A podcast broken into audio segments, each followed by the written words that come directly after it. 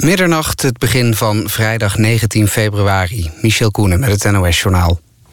Er komt geen asielzoekerscentrum voor 500 vluchtelingen in Hees in Brabant.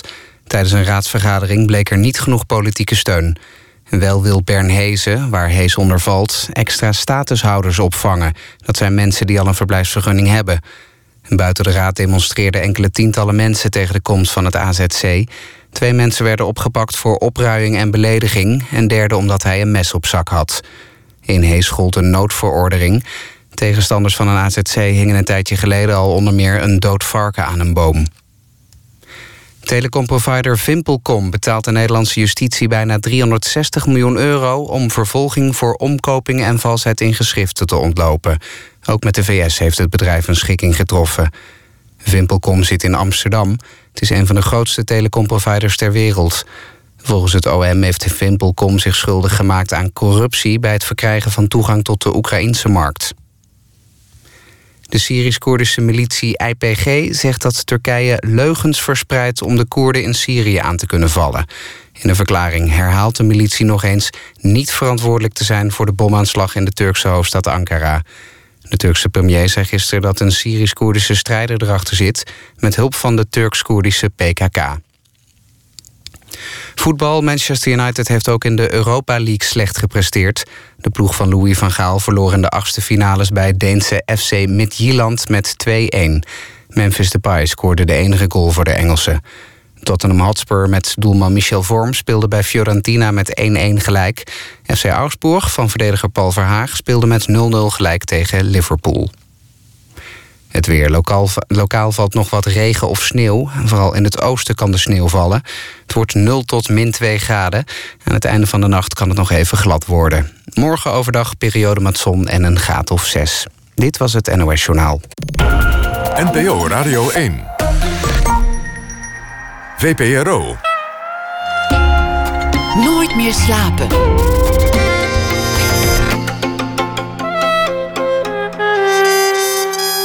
met Pieter van der Wielen. Goedenacht en welkom bij Nooit meer slapen. Het was 18 februari. Should I stay or should I go? Was de vraag die op tafel lag in Brussel, waar Cameron onderhandelde over een Brexit of geen Brexit.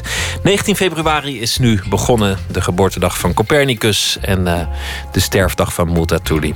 Malavita heeft een nieuw album uh, uitgebracht. Ze worden wel de Clash van Zuid-Europa genoemd. Een uh, band rond zanger Michael Franci en hij is zometeen te gast. Punk, is het nou dood of is het gewoon een beetje triest? Of is er juist een revival bezig? Die vraagt na ene, naar aanleiding van een tentoonstelling over 40 jaar punkhistorie. En uh, Erik Wien zit hier tegenover mij. Een uh, professor staat op het punt te worden onderscheiden. Het is de kroon op zijn carrière. Maar verder zit hij vast in gedachten, in frustratie en in spijt. In het stuk De Wereldverbeteraar van Thomas Bernhard probeert regisseur Erik Wien de toeschouwer in het hoofd van zijn personage te krijgen. En dat resulteert in een duistere, wrange monoloog. Erik Wien uit 1978 is regisseur, groeide op in Gelderland, werkte bij eh, theatergroep Oostpol onder meer. Nu doet hij werk voor de toneelschuur en voor anderen. Staat bekend om zijn bewerkingen van klassieke stukken. En De Wereldverbeteraar is vanaf zaterdag te zien in Haarlem. Erik Wien, hartelijk welkom. Dank je. De, de wereld van het, uh, van het theater. Uh, ik ben vanavond wezen kijken. Het, het, het was een, een, een doorloop je maakt het het publiek niet makkelijk dit keer. Het is duister. Nee, dat zei je al, ja. Ja, het is, het is uh, letterlijk en figuurlijk uh, duister deze keer. voor mij ook een nieuw terrein, eigenlijk. We doen het, uh, ik zal even concreet worden voor de luisteraars... maar het licht is ook donkerder dan, dan ooit. En het stuk is ook donkerder dan ooit. Althans voor mij. Thomas Bernhard uh, daagde ons uit om een radicale keuze te maken. En tijdens het repeteren um, hebben we daarnaar geluisterd. Hij, hij, hij, hij lokte onze kant op. En um, het werd een, meer een zintuigelijke ervaring dan een, uh, dan een soort whodunit. Dan een soort plotje. Ik, ben nogal, ik, ik, ik, ik regisseer inderdaad vaak een repertoirestuk. En dan luister ik eigenlijk trouw naar, naar het verhaal. Of naar het, wat de schrijver daar dan heeft mee uh, willen zeggen. En dan kom ik altijd heel dicht bij het plot terecht. En nu kwam ik heel dicht bij de, de filosofie, of bij de, de, de, de woorden achter de woorden terecht. En daar hadden we. nou, zoals je het gezien hebt vanavond, hadden we een, uh, een, een, een ingrijpende keuze uh, voor nodig. Ja. Je, je, probeert de, de kijker in het hoofd te krijgen van, van je personage. Ja. laten we even wachten met het stuk te beschouwen en, en het erover te hebben hoe het is Mhm. om te regisseren. En, en hoe, hoe mooi dat kan zijn, maar ook hoe, hoe vreselijk dat kan zijn. Dat, Mhm. dat, dat vak dat je hebt gekozen. Laten we het eerst hebben over, over de lijn die misschien wel in de stukken zit die jij regisseert. De stukken die je uitkiest. Het gaat vaak. Er lijkt een soort thema onder te liggen in de dingen die jou fascineren. Zie, zie je dat zelf? Uh, ja, daar probeer ik af en toe wel over na te denken. Um, als, ik, als, ik, als ik uitzoom. Maar dat, dat lukt me natuurlijk vaak pas achteraf. Als ik dan een aantal stukken even een overview pak, dan denk ik: God, dit, dit, dit ging wel weer. Ook nu eigenlijk bij de Wereldverbeteraar van Bernhard. Um, heb ik toch wel weer een thema te pakken waar ik al vaker tegenaan ben uh, gelopen. Mensen, met... mensen die vastzitten. Ja, dat, oh ja wat daar was is... ik ook benieuwd naar. Wat, je, wat jij dan. Uh, nou, de, deze, lijn... deze man zit, zit, zit vast. Maar um, hmm. het lijkt alsof mensen keuzes hebben gemaakt waar ze niet meer vanaf kunnen komen. Alsof mensen um, vastzitten in hun eigen biografie. Iets, iets dat ook speelt in onze tijd. Je kunt worden wie je wil. Je mag zijn wie je wil. En daarmee ben je uiteindelijk zelf verantwoordelijk voor de misère die je leven is. Ja, mooi. Ja. Um, dat je zelf verantwoordelijk bent, dat, dat geloof ik heel erg. Ja. Dat, dat, dat is ook een. Uh, zoiets waar veel van mijn personages um, ja, last van hebben. Dat ze het niet aan een ander kunnen wijten. En dat ze het niet aan een God kunnen wijten. Of aan een. Uh, aan een ja, dat je je eigen, je eigen leven maakt en daar verantwoordelijk voor bent. En of ze daar vast in. Ja, dat, is een, moet ik even over nadenken, over die analyse. Um, Klopt, denk ik wel. Laten we ook dat ja. uh, punt even parkeren en gewoon beginnen ja. bij het begin. Geboren in 1978 in, uh, in Gelderland. En je beide ouders werkten bij de PTT. Dat vind, ja, dat vind dan gaan we prachtig, meteen daar naartoe. Ja. ja, dat vind ik een prachtig gegeven. Dat, dat ze allebei, hebben ze elkaar ook ontmoet bij de PTT? Nee, nee, nee. nee, nee ze werkten bij de post. Ja, mijn vader is begonnen als postbode. En mijn moeder die is eigenlijk pas later... Uh, ook, ook, want die was eerst huisvrouw. Of, of, of moeder van mij en mijn, en mijn broer. En die is toen wij wat ouder werden, ging die uh, in een postsorteerbedrijf werken. Dus eigenlijk vanaf dat moment zeg ik dat mijn ouders allebei bij de post werken. Dus ze kennen elkaar daar niet van. Maar het hele huis ja. ademde de PTT. Het was, het was, een, het was een postgezin. nou, het, nee, nee, nee. Nou ja, we hadden, ik, ik, we, we, ik had wel gratis postzegels en uh, dat soort dingen. En uh, ik mocht ook wel mee met mijn vader naar postkantoren. Dat vond ik ook magische plekken. Maar het ademde in ieder geval niet... Geen theater, zou ik maar zeggen. Daar was ik wel uh, um, toch, toch wel de eerste in die, uh, die mezelf, toen ik puber was, naar het theater sleepte. En ik ging daar voorstellingen kijken in mijn eentje. Hoe kwam dat? Geen hoe, hoe kwam je erop om ineens naar theater te gaan? Ja, dat is echt een goede vraag. Dat, waar, hoe kom je daarop? Dat, ik, ik denk dat ik die. Um, ja, dat ik een wereld. Dat ik, ik werd gewoon aangetrokken tot tot die andere wereld. Zo, je voelt gewoon als kind, misschien ben je daar dan toch extra gevoelig voor. Ik speelde wel vroeger veel, als, toen ik echt klein was.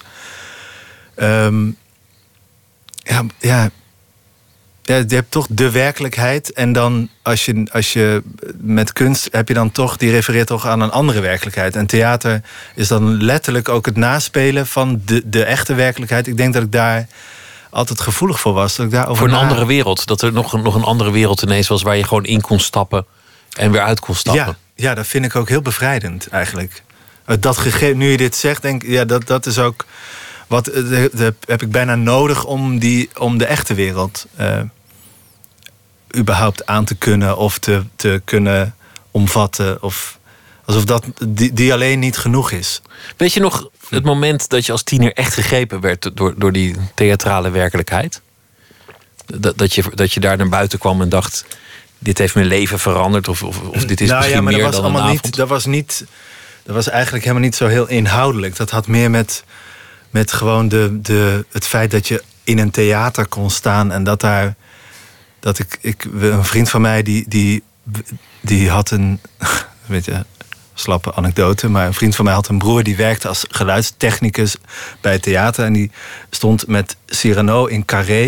En dan weet dat ik mee mocht. Dan was ik denk ik 14 of zo. En dan Ja, mochten we gewoon over het toneel van Carré lopen in een leegte, ja, gewoon om twee uur 's middags. En eh, ja, dat vond ik geloof ik al meteen te gek. Gewoon dat je daar, ja.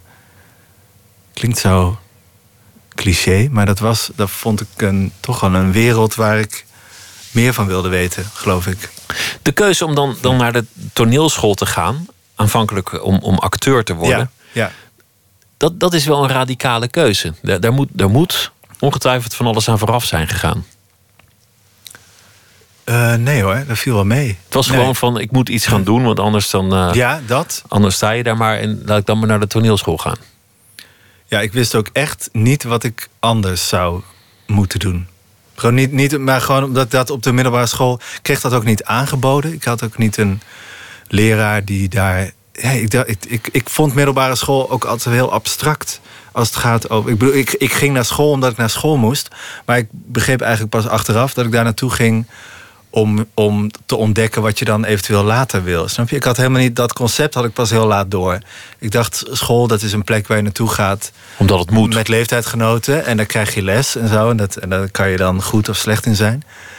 En pas in mijn laatste jaar... dan realiseer je, oh wacht even, dit is eindig. Ik, dit, dit, deze mensen zie ik straks niet meer. En dan, moet ik, dan is er een andere opleiding of een plek waar ik naartoe moet. Dus daar had ik niet zo goed over nagedacht tijdens de, mijn hele middelbare school. En toen bleef dat, bleef dat toneel over. Ja, de, de, de- de- ja, ben ik maar eens gaan onderzoeken. Ben ik maar eens auditie gaan doen in Eindhoven eerst. En toen nog in Arnhem en in Amsterdam en Maastricht. Vond ik ook gewoon een leuke weer. Maar ik, ik kende niemand. Het was niet vrienden van mij die dat ook gingen doen. Ik ging dat gewoon ging ik in mijn eentje in de trein. Om met een monoloog in mijn. En dat had ik dan geleerd. Had ik dan, eh, dat was nog geen internet toen. Maar dan had je een boekje waarin stond. Je moet een monoloog voorbereiden. En dan moet je dan en dan daar zijn. En dan moet je auditie doen. Geen idee waarom ik dat durfde. Want ik was helemaal niet zo. En werd het van huis uit ontmoedigd? Ze- Zeiden eh, je Nee. ouders van jongen gaat er gewoon ook bij de post werken of Nee. iets anders? Of, nee. Nee, helemaal niet. Nee, ik geloof dat alleen mijn opa, de, de vader van mijn moeder, die, heeft, die, die heb ik één keer horen zeggen van daar is geen geld mee te verdienen. Wat vaak ook waar is. Wat vaak ook waar is, ja. Dat alleen Rijk de Gooier er geld mee verdiende, zei hij. en eh, nee, nee, nee, mijn ouders zeker niet. Nee, integendeel. Nee, die vonden het wel leuk en spannend. En als ik dat wilde doen, dan... De magie van het theater. Want ik vind het wel mooi hoe jij dat zegt. Dat, dat dat het een wereld is waar je gewoon in kunt stappen als toeschouwer. En ook weer uit kunt stappen. Dat je heel even, nou ja, zoals, zoals vanavond letterlijk in andermans hoofd kunt zitten. Dat Ja. het zo ver kan gaan. Maar de momenten dat het moeilijk is Hmm. eh, als maker, dan, dan is het een vijandige omgeving. Dan, dan is het een stel planken. Hmm. Dan is het een zaal die, die, die andere dingen gaat doen. Die aan kauwgompjes gaat, gaat, gaat frutten. En die deadline komt dichterbij. Het Ja. kan soms af en toe een rotberoep zijn. Maak je dat wel eens mee? Ja, ja, ja, zeker. Ja, tuurlijk. Ja, nee, het is absoluut. Ja, het is ook een, het, ook een beroep omdat je het jezelf zo aandoet. Maar ja, dat is misschien met alle beroepen. Daar weet ik, daar heb ik dan natuurlijk geen referentie. Maar ik denk natuurlijk op, die, op momenten dat ik, het, dat ik er niet uitkom, of dat ik denk, waarom doe ik dit? Ben ik, zit ik in de trein en dan komt de conducteur langs. En dan benijd ik altijd. De eenvoud van zijn ja, beroep. denk ik. oh, de ja, overzichtelijkheid. Jij loopt gewoon de hele dag kaartjes te scannen. En dat, dat, dat lijkt me dan zo. Die hebben weer andere rottigheid. Maar, ja, daarom. Dus daar wil ik helemaal niks, eh, geen uitspraak over doen. nee, maar het, is, eh, het, het kan een ontzettende worsteling zijn, zo'n stuk. ja, En dat, dat is denk ik iets dat, dat moeilijk te begrijpen is als je, als je er niet zelf in werkt of, of een ander Ah, ja. hebt zien zwoegen. Want je zou zeggen, nou ja, je hebt een tekst, die is al geschreven. Je hebt de acteurs, je bent regisseur. Nou, op aan de slag. En, en toch kan, kan het een, een ontzettende helle tocht zijn om tot zo'n stuk te komen. ja, want je kan het natuurlijk op duizend manieren fout doen. En er is eigenlijk op dat moment maar één goede manier. Of die ene, en die ene goede manier, die maak je ook heel onbereikbaar voor jezelf. Want dan heb je, je hebt dan een, een idee of een ingang of een interpretatie... of je praat met je acteurs of met... van hoe je, ja, hoe je dat stuk wil doen... of hoe je dat thema op toneel wil zetten. Ja. En dan, dan sta je vervolgens voor, voor duizend deuren die je kan openmaken... en dan moet je de juiste vinden. Want je kan ook maar net, je kan een verkeerd, verkeerde casting doen... of je kan iets, een decor hebben wat niet werkt. Of wat, er zijn zoveel dingen die, je, die, eh, die tegen kunnen werken. Die de mensen uit, dat, uit die wereld kunnen rukken. Ja, want die is natuurlijk niet, die, die wereld die bestaat niet. Die moeten wij maken. Dus ook, ja, inderdaad, als je, als je zegt, je, je kiest een stuk en je hebt mensen en dan ga je aan de slag. Dat klopt allemaal. Maar, maar ja, wat het publiek dan uiteindelijk zo na acht weken werken gaat zien, of wat jij dan vanavond die doorloop die hebt gezien, dat was er allemaal niet acht weken geleden.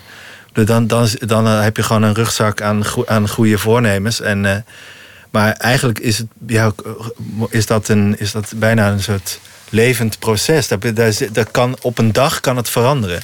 Of In dit geval gaat het ver, want, want jullie zouden het stuk doen met twee acteurs. Ja, waarvan tijdens de repetities jullie dachten: het, het, klopt niet. En, en op een zeker ogenblik zo ver zijn gegaan om een van de twee acteurs van het podium af te halen. Hoe, hoe gaat zoiets? Ja. dat heb ik ook nog nooit meegemaakt. Dat was nieuw. En, um, maar dat is wel een goed voorbeeld, want het geeft wel aan dat je gewoon, als je vertrekt, weet je niet waar je uitkomt. Daar heb je wel een idee van. Maar je weet, je weet niet hoe je daar moet komen. Of althans, dat is ook het voornemen dat we dat niet mogen weten. Dus dat we mogen dwalen en mogen zoeken. Ja, in dit geval was het heel. Was het, uh, ik had. Uh, Sanne had ik al, Sanne den Hartog, de, mannelijke acteur. En ik had ook al een vrouwelijke acteur, maar die werd uh, zwanger. En die belde mij in de zomer. Dus toen, en toen ging ik die. Nou, dit is even in de aanloop. Maar toen ging ik die vervangen. En toen had ik uh, Suzanne Bogaert. En toen dacht ik, nou, dan heb ik mijn, mijn duo weer compleet. Heb ik de man en de vrouw. En eigenlijk al vanaf dat Suzanne erbij kwam, in de gesprekken erover, ontstond er een ander klimaat. Of ontstond een andere manier van praten over het stuk. We gingen veel meer inzoomen op die man. En die vrouw werd een beetje secundair. Dat werd ineens heel erg duidelijk. Dat die vrouw um, een soort aanleunwoning was van die, van die man. En ik, dat, dat, de man uh, praat tegen de vrouw. En, ja. en, het helpt eigenlijk niet als de vrouw zoveel terugzegt. Het, het wordt ja, die vrouw zegt ook letterlijk niet zoveel terug. Het stuk is natuurlijk al eerder gedaan. En dan, dan, dan, is dat, dan wordt het door een man en een vrouw gespeeld. En dat kan ook, kan ook werken. Dat heeft ook gewerkt in het verleden. Maar, maar wij ervoeren eigenlijk bij die vrouwen zo weinig. Uh, ja, dat is, in die rol zat zo weinig levensvatbaarheid. Dus dat, dat, was een. Dat was inderdaad een soort afzetgebied voor die man. Die man bleef, soort, nou, dat bleef monomaan tegen haar aanpraten en had ook helemaal geen antwoord nodig. Bleek. Dat, dus bij eerste lezing was dat al wel duidelijk. Toen gingen we erover praten, toen was het al wel duidelijk. Toen zei Suzanne ook een paar keer van ja... Wat doe ik hier nog? Wat doe ik hier eigenlijk? Of, ja, maar is dit, is dit slapeloze nachten? Is dit, is dit uh, geïrriteerde ruzies? Of, of is dit uh, eindeloos filosoferen? Of is het gewoon een, een verlicht moment? Dat, dat je in die trein zit, nog een beetje jaloers op de conducteur... en ineens denkt, eh, het moet er helemaal die anders. Vrouw moet eruit. Die vrouw moet eruit. Nou, um, ik heb wel eens gehoord dat, dat, je, ja? dat je midden in de nacht mensen opbelt met een idee. Ik? Ja? Oh ja. Ja, dat, dat, ja soms. ja, nee, dat doe ik niet heel vaak hoor. Nee, maar dat geeft wel nee, het gaat een soort sfeer door. aan. Ja, tuurlijk. Nee, s'nachts gebeuren natuurlijk, daar gaat die voorstelling ook voor een groot deel over. Dat je hoofd vooral in de nacht eigenlijk maar moeilijk tot stilstand komt. Of in ieder geval dan, dan omdat je dan zelf, je lichaam is rustig of zoiets. Of je gaat liggen. En dat heb ik tenminste vaak. Als ik eenmaal, als ik mijn lichaam tot stilstand breng, dan uh, dat is het startschot voor mijn hoofd eigenlijk. Dan gaat, dan gaat mijn hoofd uh, wandelen. Uh, dus s'nachts maak ik inderdaad soms ook wel keuzes. Maar die, waar, waarvan 90% trouwens ook altijd heel slecht zijn natuurlijk. Hè? Je kunt ook een slechte keuze maken. Ja, zeker. En dit is een hele grote keuze. Je nou, stuurt dit, een om acteur geven, weg. Ja, dat was wel een, een lichtmoment. Was, niet, was, was zeker geen... Uh, niet met slaande deuren. En het was ook eigenlijk geen crisis. Het was juist het, het openbreken van een probleem. En, en ja, en, of probleem van een, ja, dat, van een nou ja, je voelt het. Je voelt van het werkt niet. Het, het is was niet ook sterk. wel. Het, was ook, het, het ging zeker niet. In een middag hadden we dat besloten hoor. Want natuurlijk ook naar Suzanne toe. En, uh, maar die trouwens de eerste is die, de, die dit idee uh, uh, ja, zelf ook al aandroeg en, en, en toejuichte. En ook de, veel meer als een maker instond en als een speler. Dus het ging haar ook helemaal niet om. Uh, om de vlieguren. Zo van ja, maar dan, hè, maar dan sta ik niet op dat toneel straks. Daar had ze wel zin in. Daarom ging ze het ook doen.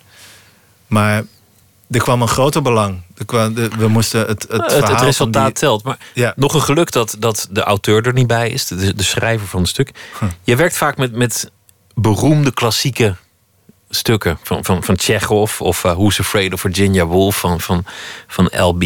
Ja. Dit is niet een ontzettend bekend stuk, maar, maar wel een heel groot theaterschrijver. Ja. Dan krijg je ook de volgende stap dat mensen jou een iconoclast kunnen vinden als je daar personages in schrapt. Of als je andere wendingen geeft aan het stuk. Je- Ja. Het is voor veel mensen ook een soort heilige tekst geworden. Tsjechov, daar mag je eigenlijk niet aan zitten. Nee. Shakespeare, daar moet je met je tengels vanaf blijven. Ja. Tegelijk wil je niet een overbodig stuk brengen. Dat is nog zo'n marteling van de theaterregisseur. Nou, maar die, die, die mening is ook wel. Die is niet zo heel gangbaar hoor. Dat je niet meer aan een Shakespeare of niet meer aan een Chekhov mag Alles is wel gedaan. Ja, zeker. Ik denk dat is een vrij behoudende mening. Dat, ik denk eerder dat het andersom is. Dat je juist wordt uitgedaagd Nou ja, om met, iets met een Chekhov of een Shakespeare te doen. met Tsjechov waren er wel mensen die, die, die nijdig waren dat er personages Ja, waren ja dat is geschrapt. waar. Ja, dat klopt. Daar help je me even aan herinneren. Ja, toen had ik eh, van, dat het ging van negen personages naar vijf personages bij Omwanya. En dat werd me dan toch. Ja, dat zijn dan toch puriteinen. Of dat zijn mensen die. Dat zullen we nu bij Bernard ook krijgen hoor. Dat hebben we ook al wel. Dat, dat, dat, dat, dat gonst nu ook al wel een beetje. Ook gewoon binnen. Ja, we doen nu doorlopen. En ja, er, er is ook een aanname van wat dan zo'n stuk al is van zichzelf. Of wat Thomas Bernhard Bedoeld heeft bedoeld of heeft. Bijvoorbeeld, er zit ook veel humor in de teksten van Bernhard. Dat is voor ons niet nu een prioriteit om die humor eh, over het voetlicht te krijgen. Daar, daar, daar, zetten we niet. eh, ja, wat ik zeg, daar, daar, daar zetten we niet op in. Dus, want er zit ook heel veel zwaarte in. Dus je zou kunnen zeggen, dat heeft Thomas Bernhard allebei voorgeschreven. Eh, dan moet je gewoon kiezen, wellicht. Of dan, dan, het is ook niet zo dat wij van de Bernhard. eh, ehm, van, het, van, het, van de Bernhard eh, fanclub zijn. En daarmee proberen je wil je eigen verhaal vertellen. ja, zoiets. Je, het is een ontmoeting. tekst. Ik, ben, ik, ik hou van dat stuk en van dat werk. Dus het is, maar het- je probeert er toch een, een, ja, eigenlijk een volwaardige ontmoeting van te maken. En niet dat je niet slaaf wordt van, van wat Bernard ehm, heeft bedacht. Jullie zijn al een week heel druk aan het repeteren. Dat, dat gaat laat door. Jullie zijn Langer natuurlijk, maar een week in de zaal. in de zaal. Ja, ja, ja. ja. Dan komt die première. Dan, dan, dan kan jij niks meer doen als regisseur. Je kan iedereen bemoedigend toespreken van tevoren. Die zaal zit vol. Die spanning bij jou zal niet minder zijn dan bij de rest. Jij zit in die zaal. Je hoort alle zuchten. Je hoort alle spanning in die zaal. Maar het is uit je handen. Je kan niet ingrijpen. Je kan niet. Je zit eigenlijk als, een- als een coach op de bank. Nou, die kan nog schreeuwen. Ja, dat kan ik niet, nee. Hoe, hoe is dat moment? Of kan je het dan loslaten? Nee. Nee, dat, nee. nee, maar het heeft ook met empathie te Dus het, het gaat. Ik zit ook gewoon. ehm, ja, ik zit zo eh, eh, bevlogen te kijken. Omdat ik natuurlijk. Ik, ik, ik ken niet. Ik ken de voorstelling, maar ik ken alle versies en ik ken alle verhalen. Ik ken het hele. Ik ken de, he- de hele geschiedenis. Dus.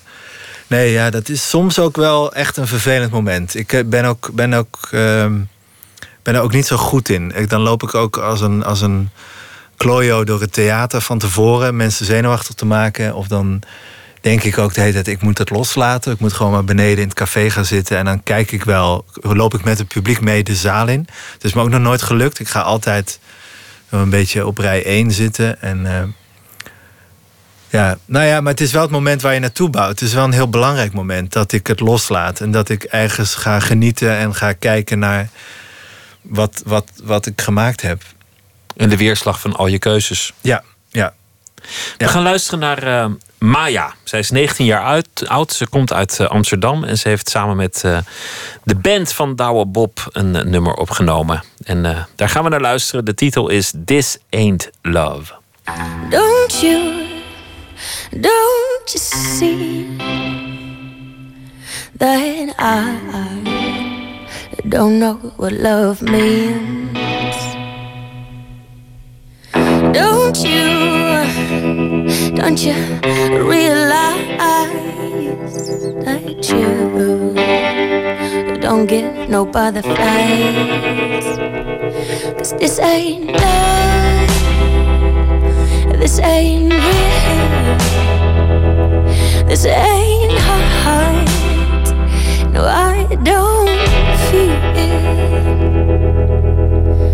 Don't you?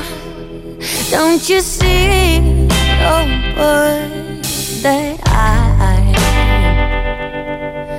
falling for you. Don't you? Don't you know? That there is some rules you should know about? Cause this ain't love, this ain't real, this ain't hard. No, I don't feel. This ain't love, this ain't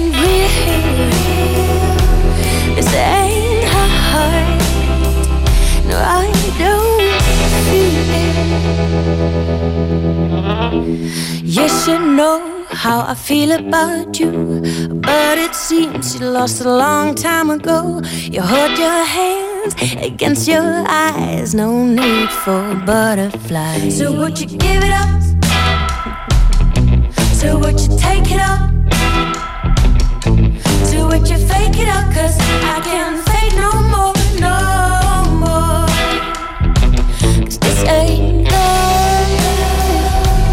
this ain't real, this ain't hard. No, I don't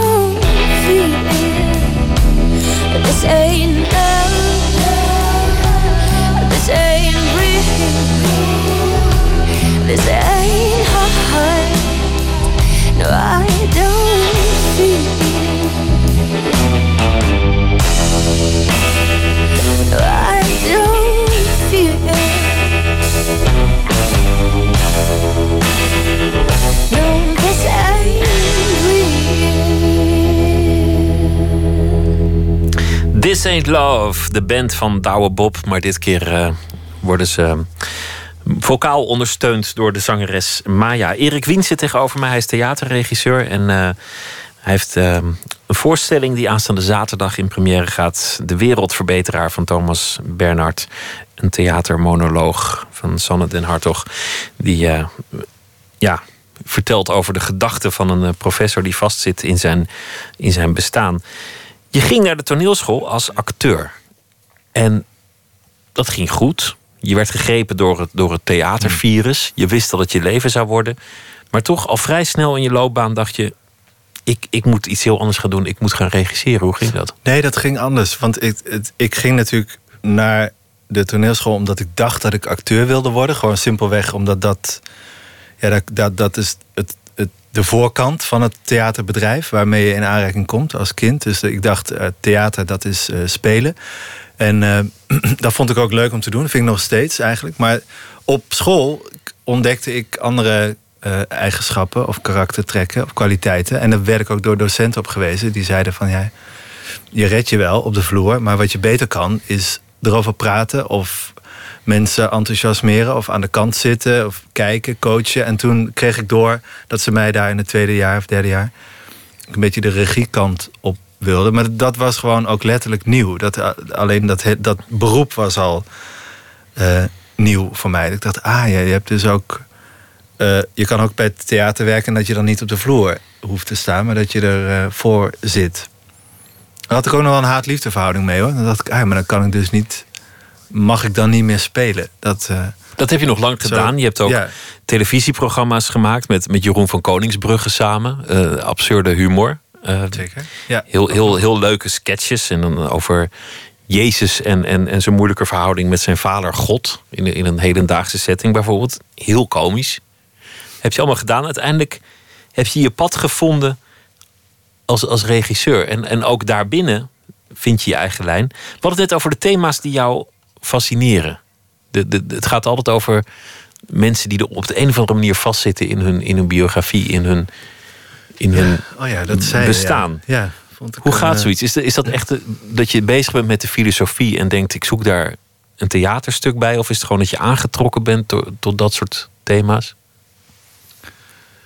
Nee, het is niet zo dat ik, dat ik een, eh, een soort vastomlijnde filosofie heb en dat ik met dat idee naar stukken ga zoeken. Het is eigenlijk, het is eigenlijk veel, eh, nog veel vager. Het is, de, een stuk komt op mijn pad of iemand zegt... Je, Thomas Bernhard, dat is echt een, dat is een schrijver, daar zou je iets mee moeten. En dan, of dan lees ik een stuk en laat ik het vijf jaar liggen. En dan denk ik, ik heb, ik heb ooit eens De Wereldverbeteraar van Thomas Bernhard. Waarom, waarom zit dat nou nog steeds in mijn hoofd?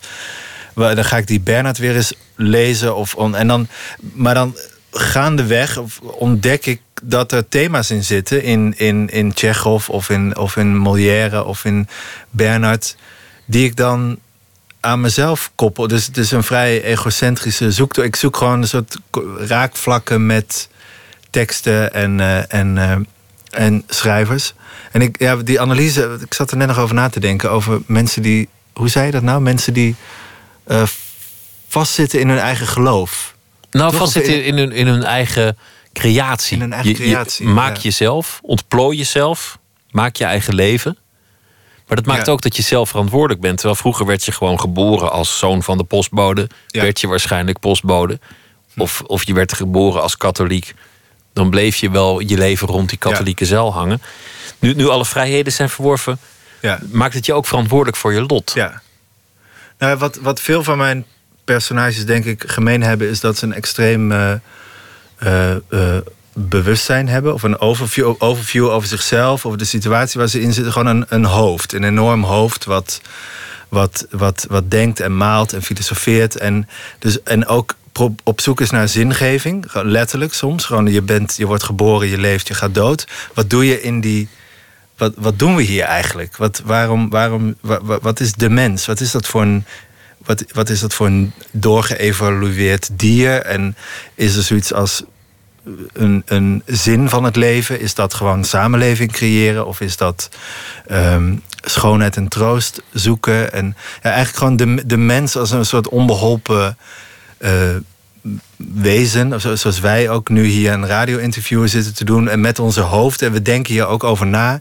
Zodat dat hoofd wat je, ja, als een soort, het enige wat je hebt, maar ook je grootste last of zo, daar moet je het maar je hele leven mee doen. En soms ga je uit je hoofd als je, als je in het moment bent, of als je, als je, aan, het, als je aan het dansen bent, of als je het naar je zin hebt. Dan, kun je, dan kun je die gedachtenstroom, die maalstroom even, even uitzetten. Ja. Ja, dus er zijn veel, dat, dat, dat, er zijn denk ik veel personages die een, eh, die een te groot hoofd hebben. En die daar eh, mee, mee of een te, en daarmee ook misschien een te groot verantwoordelijkheidsgevoel of een te groot idee over je moet iets zijn in het leven. Dus dan krijg je ook, ook eh, een soort eenzame, of niet, eh, niet letterlijk eenzame, geïsoleerde personages. Dus een, bijvoorbeeld een misantroop, eh, die ik ook met Sanne heb gemaakt van Molière. Eh, dat is een, een mensenhater die eigenlijk enorm, enorme mensenliefhebber is, maar zichzelf daarmee op een- op een heel eenzame plek manoeuvreert. Net als deze wereldverbeteraar, die ook de wereld wil verbeteren, maar zichzelf daarmee ook op een afgezonderde of geïsoleerde plek manoeuvreert. En dan sta je als eenling tegenover dat hele grote ding, het leven of de wereld en de andere mensen. En dat probeer je in dit stuk heel voelbaar te maken. Het is duister, letterlijk. De zaal wordt donker. Er staat een acteur die je, die je niet goed kunt zien. Die, die gedachten die gaan maar, die, die kwellen hem. En, en dan is, is, is alles ja, ook een donker geluid. Zelfs Ja. de audiovormgeving die, die ademt dat. Ja. Het interessante aan, aan van die oude teksten. Thomas Bernhard is, is een man die in, in zijn vaderland Oostenrijk vaak echt nou ja, zelf helemaal buiten de samenleving kwam te staan. Hem werd Ja. van alles verweten dat hij een soort halve landverrader was. Terwijl hij internationaal werd gezien als de, de, de grootste toneelschrijver van zijn tijd. Zo'n beetje. Ja, Geboren in Nederland, in, in, eh, in Limburg. ja in Heerlen. Het eh, Molière noem je ook. Dat, dat is ook eigenlijk maf dat, dat zo'n tekst uit de, uit de 16e eeuw nog steeds actueel is. Dat mensen nog steeds teruggrijpen naar dat soort hele oude teksten om iets te zeggen over het heden. Ja, zeker. Maar dat zijn natuurlijk ook niet de minste teksten. Dus niet alle teksten uit 1600 worden nu nog eh, gespeeld. Dus dit zijn natuurlijk echt van die, ja, van die, van die kanonnen. En, en Molière is een. eh, ja, die had gewoon de mens eh, door. Dus die, die, had, die had de schijn door en die had hypocrisie door. En die, en die, en die, die, wist, die wist gewoon de vinger op de zere plek te leggen. En die, en die wist daar geweldige teksten over te, over te schrijven. Die moet je dan natuurlijk wel even, die moet je wel opnieuw interpreteren. Of die moet, je, die, moet je, die moet je handen en voeten geven nu. Want dat waren ook weer in de zijn tijd, net als Shakespeare of net als Bernard eigenlijk ook. Ik bedoel, elke schrijver schrijft in zijn tijd. En het gaat ook over dat leven of dat land daar. Maar, de, maar er zit de kern, als de kern universeel is en, en, en onverwoestbaar, dan wat het gewoon. Als je een goed stuk te pakken hebt, dan, dan stelt het je nooit teleur. Dat is, dat, Maar je, je doet het opzettelijk niet in een kostuum met, met een grote kraag. eh, Nee. Niet niet Shakespeare met, met een pruik. Of, eh, of, of Molière met eh, nou ja, wat voor kleren ze toen ook, ja, ook of droegen. broeken of ja. Terwijl dat gebeurt in, in Parijs gebeurt dat nog regelmatig. In, ja, maar dat, dat, dat is ook eigenlijk onbegrijpelijk waar, hoe dat dan werkt. Want dat is natuurlijk niet hoe Molière het bedoelde. En Shakespeare bedoelde natuurlijk. Voor Sha- Shakespeare schreef ongelooflijk actueel theater. Dat, dat ging over die tijd, ging over die mensen daar. Dat ging over mensen die, die iedereen ook kende, over koningshuizen, over, over slechterikken. Dus, dus, en als je dat nu, 400 jaar later, zou, zou kopiëren, dan wordt het natuurlijk een museumstuk. Dan, dan wordt het een reis terug naar die tijd, in het nu. Dan denk je, ach ja, zo. En je hoopt dat het iets zegt over het heden, over, over de filosofie van onze tijd. Ja, Je hebt natuurlijk ook niet zo vaak een gelegenheid om iemand anderhalf uur iets te vertellen. In, Nee. in, in het tijdperk van, van, van Twitter en, en WhatsApp en, en andere vluchtigheid. Hm. Je hebt mensen in een, in een zaal die alleen maar geboeid zijn door dat verhaal dat jij vertelt, die andere wereld. Ja, dat is, dat te- is te dat is toch verleidelijk om ze te laten nadenken over iets, iets groters. Nee, zo benoemen we dat ook wel eens. Ook, ook tijdens het repeteren. Ook in dit project is dat voorbijgekomen. Dat je. Ja, we, we, we, we creëren tijd. We, met de zaal ook. Dat is een uniek gegeven überhaupt aan theater. Dat je soms. Dat de afspraak is tussen 8 en 10 bijvoorbeeld. Ja, we, wij, wij, wij. Dat is, de afspraak is daar, dan zijn we daar. Ja, dat is ongelooflijk inderdaad. Dat je, dat je met een zaal de tijd even stil kan zetten. Of de werkelijke tijd, de, de, de buitenwereld. De telefoons uit en zo. Dat, dat is een investering. Dat, dat is bijna zeldzaam. En die tijd moet je, moet je goed benutten. Sommigen doen dat door het actueel te maken. Dan gaat het over, over eh, het bankwezen of over de politiek. Of het gaat over, eh, over de vluchtelingencrisis. Er wordt allemaal theater over, over gemaakt. Ja. Bij jou is het wat meer de filosofie. Het, het persoonlijke, de, de, de grote levensvraag. Wat is het eigenlijk een mens? Wat is dat eigenlijk leven? Dit keer maak je het je, je, je publiek moeilijk. Dat, ik heb het nog niet in, in de uiteindelijke toestand gezien, maar het is Ja. het, het is geen heel erg eh, eh, verleidelijk stuk. ja, Entertaining is het niet heel nee, erg. niet entertaining, nee. Maar, maar misschien wel verleidelijk op andere levels. Eh, je, je, vond je het moeilijk of vond je het ook intrigerend? Of was het... Ik vond het moeilijk Ja, en ik vond het integre- in- integrerend. Het, Ja. het, het, het een sluit het ander natuurlijk niet Ja. uit. Hoe moeilijk mag, het je, mag je het, het je publiek maken? Nou ja, dat, dat, eh, dat is een eh, interessante vraag. Want wat ik net zei over dat we, dat we die tijd creëren met, met een zaal, dat, moet je, dat krijg je in vertrouwen natuurlijk. Het publiek komt, dat is al een daad. Daar zijn we ook vaak heel dankbaar voor. Dat ze Maar, er zijn. maar het Dus publiek dan moet er ook, niet komen met een niet goed geld terug mentaliteit. Nee, nee, nee. Dus eh, dat, dat is, de afspraak is, eh, je, als je er bent, dan ben en dan mag je natuurlijk weglopen en zo, dat soort dingen. Maar ik bedoel, nee, dus ik, ik, ik, ik neem het, eh, ik vind het een verantwoordelijkheid dat ik, dat ik daar goed mee omga. Met, die, met het vertrouwen dat het publiek ons geeft door er te komen. Ik wil ze niet, ik wil ze het eigenlijk helemaal niet moeilijk maken. Ehm, maar soms moet je wel. ehm, ja, dan, dan, dan moet je toch in het theater. eh, is er ook een verantwoordelijkheid. Als het de inhoud versterkt, dat je gewoon andere kanalen openzet. Bijvoorbeeld in dit geval, wat je net al omschreef. ehm, we spelen met licht in de voorstelling. Het is niet. Eh, eh, alles staat niet in het volle licht, zoals normaal gesproken. Of normaal gesproken, zoals eh, nou ja, bij mijn eerdere voorstellingen inderdaad normaal gesproken. Wat een heel interessant nieuw gebied oplevert. Dus nu zie je, je ziet genoeg, maar je ziet misschien niet alles. En dan ga je, ga je op een andere manier kijken. Ehm, ja, ik vind dat een heel spannend terrein. Ik hoop dat het publiek dat straks gaat komen vanaf volgende week. Maar het is, het is met iets ons dat meegaat op, die, op, de, op dat onderzoek. We leven in een tijd van meesterwerken. Mensen willen de, de grote zaal met de grote acteur, met het, met het bekende stuk. Iets Hmm. dat de zaal ook zal vullen. Iets, iets dat debat opwerpt, maar ook, ook meteen voldoening geeft. Er ligt veel druk op, op regisseurs. En dat is iets waar jij in je loopbaan ook echt mee hebt geworsteld. Er zijn bepaalde banen die je niet meer wilde doen. bepaalde banen waar je voor werd gevraagd, waarvan je zei: Ik weet Ja. niet of ik dat kan. Ja, grote zalen en zo. En, eh, Want volgens mij was dat je worsteling. ja, nou, dat, is, dat klopt. Ja. Je moet nogal. ehm, dus er, zi- er zijn nogal wat eisen. Dat klopt. Voor, zeker als het over grotere zalen gaat of eh, grotere publieksaantallen. ehm, eh, dat je een hitvoorstelling moet maken. Dat je een vijfsterrenvoorstelling, een, eh, een voorstelling met bekendere acteurs. Dat er weer meer mensen op, op afkomen. Bekendere stukken überhaupt. Ik bedoel, ja, dat is, ook, dat is toch ook de angst regeert. Dat, dat, dat, dat is, dat, ik weet niet wat het einde daarvan is. Van die, van die ehm, ja, honger naar, naar succes of naar, naar volle zalen. Ik bedoel, dat alles over volle zalen gaat, is natuurlijk te gek. Ik wil ook volle zalen. Maar ik vind het ook moeilijk, want, want er zijn dingen. Het, het late werk van, van John Coltrane. Mhm.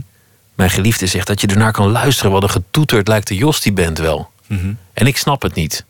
Ik snap het al, al, Ja. al sinds ik het voor het eerst hoorde niet. Maar het fascineert me Maar en ik wil het snappen. luisteren. En ik vind, het- ik vind het toch de moeite waard als er dingen zijn die niet meteen voldoening geven. Hm. Dingen die je laten gissen. Dingen die het je moeilijk maken. Dingen waarvan je denkt, volgens mij is het virtuoos, maar misschien ook niet. Ik weet het eigenlijk niet. Ja. Het zou jammer zijn als alles meteen een hit was. Ja, te gek. Daar zijn we het eh, daarover eens. Ja. Ja, want een hit is natuurlijk niks op zichzelf. Een hit, dat is een, dat is een gevolg van iets. Van, van, of dat is een, een plakkaat. Wat, een hit, je gaat ook niet bij elkaar komen met een groep mensen... om te zeggen, we gaan een hit maken. Maar Ja, dat kan ook. Die mensen heb je natuurlijk ook. Maar ik zou niet weten hoe je daaraan begint. Je begint met een idee of een gedachte of een onderzoek of een vraag of een ja, observatie of wat dan ook, of een noodzaak. Maar En het mag radicaal zijn, want dit stuk, zei je eerder, nodigt uit. Ja, tot- Thomas tot Bernhard heeft ons eigenlijk, ja, wat ik zei, heeft. heeft ja, en radicaal klinkt, dat, dat- dat heeft eigenlijk een negatieve bijsmaak, hè, dat woord. Uh, Alsof, dat, alsof we daarmee iets afknijpen of zoiets, of iets kapot maken. Of een provocatie, wat, ja, wat vroeger ook provocatie, maar veel eigenlijk gebeurde. is radicaliteit gewoon... eh, dat, dat is gewoon een keuze maken. En het gaat over eenduidigheid. En dat, dat gaat over niet te veel water bij de wijn doen. Gaat, ja, ik denk dat het... Voor mij is deze voorstelling eh, een heel belangrijke voorstelling geworden. En, eh, en een voorstelling waar ik, waar ik ontzettend... eh, ehm, ja, waar ik veel, veel in kwijt kan. Ook van mijn persoonlijke leven nu. En, en dat merk ik ook met Sanne en met Suzanne. Alle gesprekken daarover zijn geïnspireerde gesprekken. We niemand draait een, een, een routine af. Iedereen is open en eerlijk en kwetsbaar. En dat is de enige manier om überhaupt theater te kunnen maken. Of, of, of ergens uit te komen waarvan je in het begin nog niet wist waar dat dan precies was. Ja, ik zou, ja, Laten we gaan luisteren naar eh, ja, toch maar een hit dan. Van eh, vooruit. Max Jury. Het eh, debuutalbum moet er nog komen. Hij is eh, 21 jaar oud. Dat album verschijnt in juni. En eh, dit nummer heet Numb.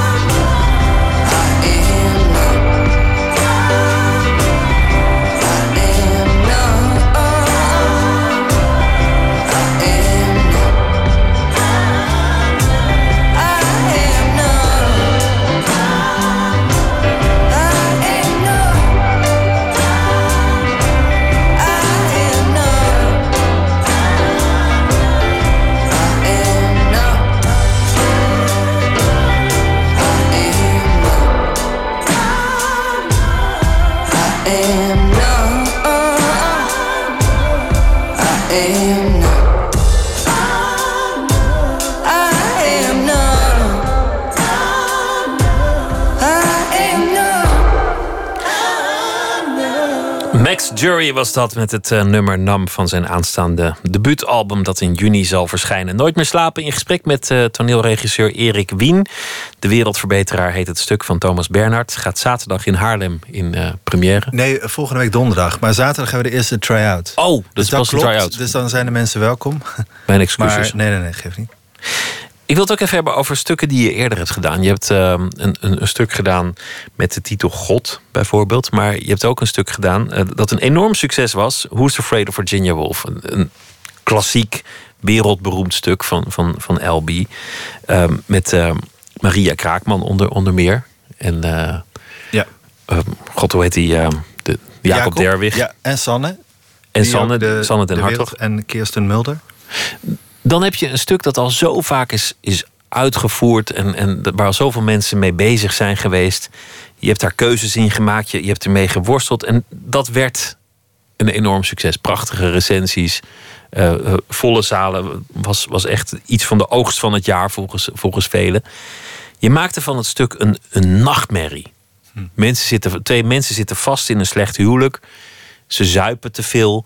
En ze proberen eigenlijk voor de ogen van twee kennissen die op bezoek komen. gelijk te halen. De ander te provoceren, uit te dagen. En eigenlijk zijn ze op zoek naar die vraag: wat, wat is er nog tussen ons? Wat, Ja. wat leeft er nog tussen ons?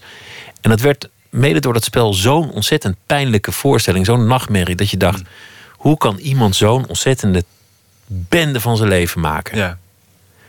En dat, dat gevoel roep je vaak op met je voorstelling. Ja, nou, dat, dat, de- deze voorstelling was, was een. eh, ja, dat was te gek om eh, aan te werken. En, eh, ik bedoel, in de eerste plaats door die vier acteurs. Want die hebben dat, die hebben dat stuk zo ongelooflijk eh, afge, afgestoft. En ook bij de, bij de kloten gegrepen. Dus dat, daar was. Ja, die hebben dat helemaal. eh, die hebben dat, wat mij betreft, weer een soort nieuw leven ingeblazen. En ook die, die, die hele opvoeringstraditie eh, op straat gezet. En. eh, Het stuk gewoon, gewoon het stof eraf geblazen. ja, ja, ja, ja. Ja, ja dat was te gek. Ja, dat En- was ook een hit inderdaad. Maar dat, ja, waar we het net al over hadden. Maar dan in tweede instantie, daar zijn we, we zijn niet bij elkaar gekomen en dachten we hebben een hit. We zijn bij elkaar gekomen omdat we allemaal door dat stuk, eh, of in ieder geval uitgedaagd waren door dat stuk.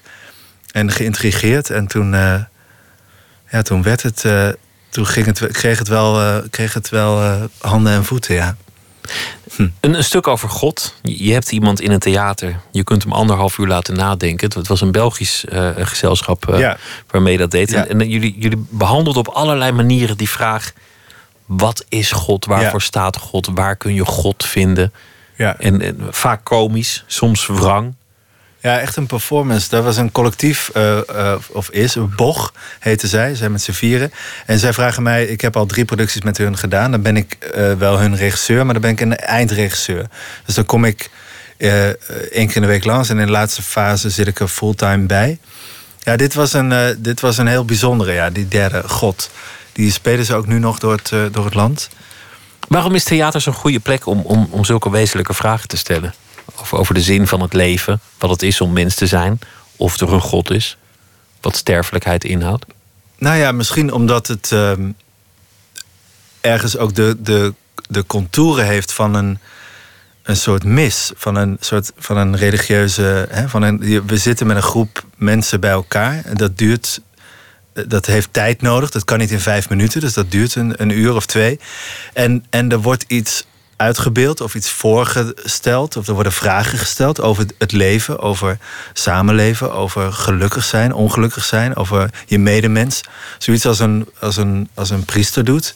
En er worden hier en daar wat antwoorden gegeven of handreikingen. Of, uh, ja, ik denk dat theater uitgelezen plek is om uh, onder andere over mens zijn na te denken. En over. Uh, ook om, ja, ja, nou, onder andere om deze reden. En het is live. Het wordt door mensen gedaan. Het is geen, er wordt niks afgedraaid. Ik bedoel, zelfs als een voorstelling al 40 keer speelt, je bent daar toch die ene avond, die 41ste keer, zit je live in die zaal, als het goed is. En die mensen spelen dat live. Dus dat, die ervaring, dat is een ontmoeting, hoe je het nou went of keert. Althans, dat hoop ik. Ik hoop dat dat, dat gebeurt ook niet meer zo vaak in het, in het dagelijks leven. Toch? Dat, ja vind het te gek dat we de moeite nemen, letterlijk en figuurlijk, om iets te. In dit geval Sanne, die, die een tekst uit zijn hoofd leert en die dat weergeloos speelt voor een in zijn eentje, voor een anderhalf uur tekst, een anderhalf, uur, uur durende monoloog. Ja, dat, dat, is een, uh, dat, is een, dat, dat doet hij ook. Dat doet hij voor ons en voor, voor zichzelf. En ik vond het op de een of andere manier heel actueel, omdat dat hij vastzat in, in zijn woede. Omdat hij, als, als je dan toch iets, iets vaags als een tijdgeest wil, wil grijpen, mensen die, die door hun eigen gedachten en frustraties volledig een vijand van hun eigen omgeving, van hun bestaan, van alles mm. worden, om, omdat ze het gewoon niet meer kunnen zien, omdat ze niet meer boven die rancune uit kunnen stijgen, die frustratie, dat, dat ego dat ze, ja. dat ze heeft ontvoerd naar een, naar een grimmige plek. Ja, dit is een heel woedende man, ja. Maar ik, ik heb hem wel... Ehm, hoe ik hem eigenlijk lees, of hoe ik hem zie... is vooral ook een heel gepassioneerde man. Dus hij is wel... Hij is ook woedend om allerlei onredelijke dingen. Maar in de kern is hij, is hij woedend op de bullshit in de wereld. Het stuk heet De Wereldverbeteraar. Dat is een vrij ironische titel eigenlijk. Want hij heeft een dan een, in het stuk een traktaat geschreven ter verbetering van de wereld. En wat hij zegt is: je moet de wereld afschaffen. Dat is de enige manier om haar te verbeteren. Uh, maar dat komt, wat mij betreft, voort uit een, uit een woede die, die gestoeld is op, op de onzinnigheid van het leven. Daar ageert hij tegen. Dus hij maakt zich druk over dat iedereen zich zo druk maakt. En dat, dat, dat maakt hem natuurlijk ook een mens. En zit hij, hij heeft geprobeerd het te doorgronden. Zoals, zoals de misantroop eigenlijk te veel van mensen houdt en daarom ze gaat haten. Ja. Het is, uit, een, uit, een, uit, een, uit een fixatie van overdreven hartstochtelijke uh, uh, wens om, het, uh, ja, om iets te verbeteren. Gaat hij eroverheen eigenlijk. En, en, en verslikt hij zich erin en verdrinkt hij. En tragisch genoeg blijft hij alleen achter. En, de wereld draait wel door, toch? Dan is er die première. Jij zit in de zaal, je, je, bent gespannen. Je hebt van tevoren mensen zenuwachtig gemaakt. Met je gedraal door de coulissen. En dan, nou ja, dan gaat dat licht uit en dan begint het. En afloop is er applaus en, uh, en champagne misschien. En dan de volgende dag dan, uh, dan, dan zijn er recensies. Die zijn, zijn hopelijk lovend. En, en iemand zegt misschien na afloop van... Goh, wat knap dat jullie al die tekst zomaar uit jullie hoofd kunnen ja, dat leren. en dan, krijgen. en dan gaat het op tournee en dan, dan is het weg. Het is verdampt het, het, is eigenlijk nergens meer terug te vinden. Het is, het is gewoon vervlogen. Dat, dat lijkt me ook de tragiek van, van een theatermaker. Dat je zo hard werkt aan iets dat uiteindelijk verdampt. Dat nooit meer te zien is. Ja, dat heb ik toch eigenlijk nooit als tragisch ervaren. Nee, dat, dat, is, dat, dat is toch het leven zelf? Het leven zelf verdampt. Ja. Heeft eigenlijk ook heel weinig weerslag. Ja, dat is prima. Die vraag die je net stelde, van, die jou fascineert, wat, wat is eigenlijk dat bestaan? Wat is het om mens te zijn? Is dat een vraag waar je echt een antwoord op wil? Of, of vind je het stellen van de vraag al, al leuk genoeg? Ja, nou, ik denk dat ik het stellen van de vraag in principe genoeg vind. Dat, ik, misschien is dat ook wel de zin van het leven, dat je je die vraag stelt. Maar de, ja, nee, het is het, is het, uh, de, de, antwoorden intrigeren wel. Ja, dus het, het, het, uh, ja, het houdt me wel bezig, ja. ja. voor, je, voor je eigen bestaan, want, want, want zelfverwezenlijking, dat, dat is natuurlijk een, een enorm thema. Ja. Het is een leven in het theater, dat, dat is heel duidelijk. Ja. Maar liever niet de grote zalen, liever niet de geuikte producties. Wat, wat, hoop je dat er gaat gebeuren? Hoe hoop je dat jouw loopbaan eruit gaat zien? Poeh. Ja, kijk, die, die, die, die stelling die ik dan neem naar grote zaak, dat is, dat is ook niet voor eeuwig. Dat is, dat is, ik reageer daar nu op, dat dat past bij mijn. Uh, ik wil het op mijn eigen voorwaarden doen. Ik denk dat ik dat graag, dat ik als ik mezelf een carrière uh, uh, in het theater zie hebben tot in, tot, tot in de eeuwigheid, voor zover mijn leven dat toelaat, dan, dan graag op mijn eigen voorwaarden en met de mensen waar ik graag mee werk. En ja, toch niet te veel spelregels en niet te veel uh, opgelegde doelen. Snap je? De vrijheid moet regeren en, en, en, het, en eigenlijk het, het pure theater. Ja. Het, het experiment of misschien een, een, een statement of af en toe uitglijden. Ja, ja, ik, ik, in principe, ja, ja zeker. Ja, ja, dat, is, dat, dat, dat is de bron. Vanuit daar begint het. Ik maak, niet, ik maak geen theater in eerste instantie om ja, om, om, om een volle zaal te krijgen of om eh, in het programmaboekje terecht te komen. Of, dat, is allemaal, dat zijn de uiterlijkheden. Dat is, de, dat is, het, uh, dat is het spel. Ja. Nou, en, en er is. Ja, nee, ja. En die Ik vraag. Ja. Ik wens je heel veel succes Hm. het, eh, met, de, met het stuk en alles wat er, eh, wat er verder gaat eh, gebeuren. Dankjewel. De wereldverbeteraar van Thomas Bernhard in de regie van Erik Wien. En vanaf volgende week echt op tournee. Zaterdag de try-out Ja. en daarna begint het, begint het spektakel echt. Ik wens je heel veel succes en plezier daarmee. Dankjewel. Dank je. U kunt eh, Nooit meer slapen terugluisteren via de podcast. En dan op elk moment dat het eh, schikt beluisteren. En dat doet u door eh, zich te abonneren via de website van de VPRO. VPRO.nl slash Nooit meer slapen. U kunt ons ook leuk vinden op Facebook. Als u zich heeft aangemeld voor dat medium. Zometeen gaan we het hebben over de Coen Brothers onder meer. Want die hebben een nieuwe film. Heel Caesar. En Katelijn Schilder heeft een verhaal bij De Voorbije Dag. En we gaan het hebben over de punkbeweging. Want er is een tentoonstelling over 40 jaar punkgeschiedenis in de Melkweg. Is punk nog levend of is punk iets van het verleden? En wat is er eigenlijk gebeurd van alle, met al die grote woorden van de punkers van wel eer? Malavita heeft een nieuw album uit. De Zuid-Europese Clash worden ze ook wel genoemd. En de uit Napels afkomstige zanger en gitarist Michael Franci... die komt zo meteen daarover praten. Dus eh, dat allemaal straks in Nooit meer slapen. Twitter, het VPRO NMS. Graag tot zometeen.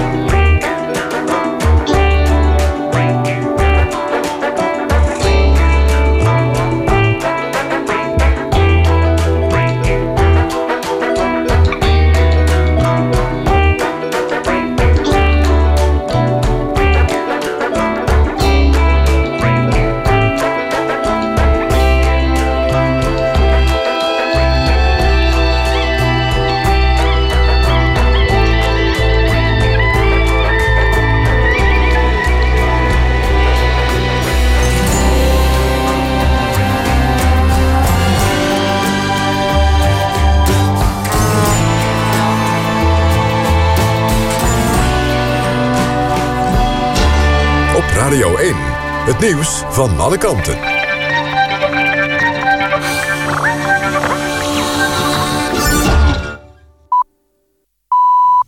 1 uur Michel Koenen met het NOS-journaal. Het OM verwacht deze zomer strafrechtelijk bewijs rond te hebben... over het soort boekraket dat is gebruikt om de MH17 neer te halen... en over de exacte locatie. Dat staat in een brief van hoofdofficier Westerbeke aan nabestaanden... meldt RTL Nieuws op basis van bronnen. Raketresten worden momenteel onderzocht. Verder zouden er geen video- of filmbeelden zijn van de lancering... en vanwege de bewolking ook geen satellietbeelden. En Ook heeft Oekraïne geen radardata meer. Met Rusland is het OM nog in gesprek. De VS hebben radardata al beschikbaar gesteld. Het OM komt volgens RTL komende dag met een toelichting. Er komt geen asielzoekerscentrum voor 500 vluchtelingen in Hees in Brabant. Tijdens een raadsvergadering bleek er niet genoeg politieke steun. Wel wil Bernhezen, waar Hees onder valt, extra statushouders opvangen. Dat zijn mensen die al een verblijfsvergunning hebben. Buiten de raad werden twee mensen opgepakt voor opruiing en belediging. Een derde omdat hij een mes op zak had. Telecomprovider Vimpelcom betaalt de Nederlandse justitie bijna 360 miljoen euro om vervolging voor omkoping en valsheid in geschriften te ontlopen. Ook met de VS heeft het bedrijf een schikking getroffen voor hetzelfde bedrag. Vimpelcom zit in Amsterdam. Het is een van de grootste telecomproviders ter wereld. Volgens het OM heeft Vimpelcom zich schuldig gemaakt aan corruptie... bij het verkrijgen van toegang tot de Oekraïnse markt. Manchester United heeft ook in de Europa League slecht gepresteerd. De ploeg van Louis van Gaal verloor in de achtste finales... bij het Deense FC Midtjylland met 2-1. Memphis Depay scoorde de enige goal voor de Engelsen. Volgens Van Gaal heeft zijn ploeg momenteel last van de wet van Murphy. Alles zit tegen, zei hij. Het weer nog. Lokaal kan wat regen of sneeuw vallen. Vooral in het oosten kan die sneeuw vallen. Het wordt 0 tot min 2 graden. Aan het einde van de nacht kan het nog even glad worden. Een overdag periode met zon en een graad of 6. Dit was het NOS Journaal. NPO Radio 1. VPRO. Nooit meer slapen.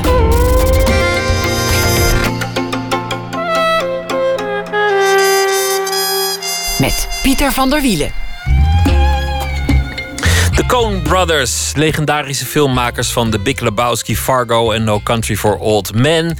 Ze hebben een uh, nieuwe film, Hill Caesar. En dat is aanleiding om eens de vraag te beantwoorden... wat nou precies die stijl en die hand van de Coen Brothers is. De afkomstige uit Napels zijnde zanger en gitarist Michael Franchi... die komt zo meteen op bezoek. Hij is eh, voorman van de band Wala Vita, die een nieuw album hebben. En u kunt ons eh, podcasten, mocht u dat willen... via de website vpro.nl slash nooit meer slapen... kunt u op elk moment van de dag terugluisteren... of uh, nog later in de nacht, als het u allemaal wat vroeg is. Katelijn Schilder die is schrijver... en zal deze week elke nacht een verhaal voor ons maken... over de voorbije dag. Katelijn, goeienacht. Dag Pieter. Vertel eens over uh, de voorbije dag. Ja, mijn aandacht werd vanmiddag gegrepen door een, de term Harry Panic. Ik weet niet of je er ook van hebt gehoord, maar het is een fenomeen dat nu een klein uh, stadje in Australië teistert. Het is een soort tuimelgras. Je van die hooibalen die je ook wel in western, westernfilms uh, door het beeld ziet rollen. En, maar dit is zeg maar de, de ergere versie, de, de Harry Panic versie. En ze overspoelen huizen. Oh, ja, ik, ik zag iets voorbij komen. Maar het is, een, het is gewoon een plaag eigenlijk. Het is een plaag. Het is een soort grasplaag. En uh, een soort ja, onkruidgrasplaag, zoiets. En, uh, en, het, en het is zo erg dat je, als je de dag daarvoor alles nog helemaal netjes hebt opgeruimd... je de volgende dag de deur opent en je je eigen paadje niet meer kunt zien. Plagen zijn ook wel weer interessant altijd. Ook wel weer fascinerend, toch? Ja, absoluut. Tot je erin zit, maar, maar tot de dag dat, dat, er, dat er een miljoen sprinkhaan op je dak landen... heeft het op een afstand iets fascinerends. Ik vond het heel mooi en ik vond ook de naam zo mooi, Harry Panic. Is dat uh, het onderwerp van het verhaal geworden? Ja, het is hem. Ga je gang. Hier komt hij. Het voelt alsof Joanna een wolk in een vuilniszak moet proppen. Zodra ze een baal tuimelgras vastpakt, waaiert het de lucht in. Flinterdunne, droge sprietjes verspreiden zich over straat, klampen zich vast aan deurknoppen, gazons, achteruitkijkspiegels. Ze nestelen zich in hoge balen over de tuinmeubelen van de buren.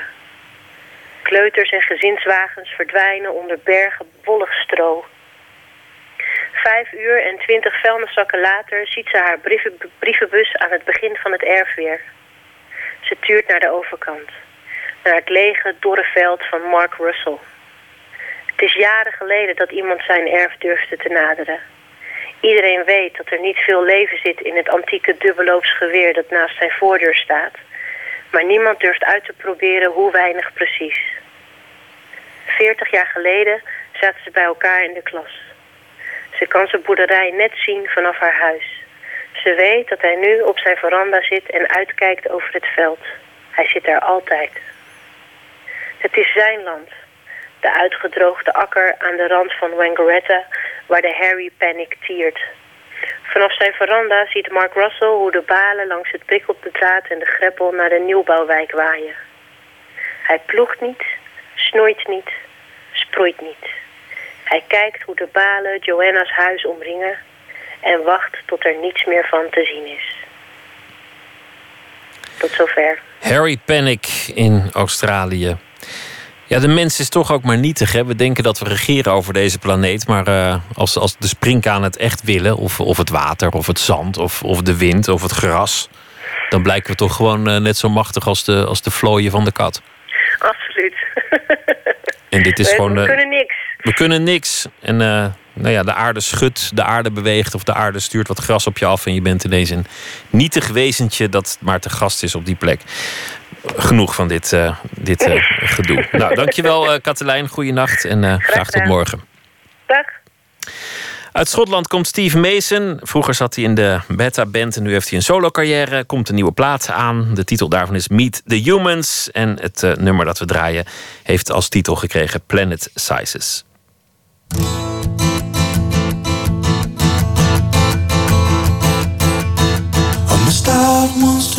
I missed out and tried again. I never really knew before me. I never really tried again. But I find, but I find this time I'm going back again.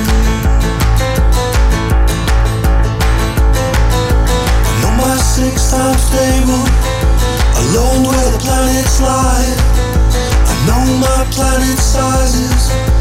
Universe makes me cry, but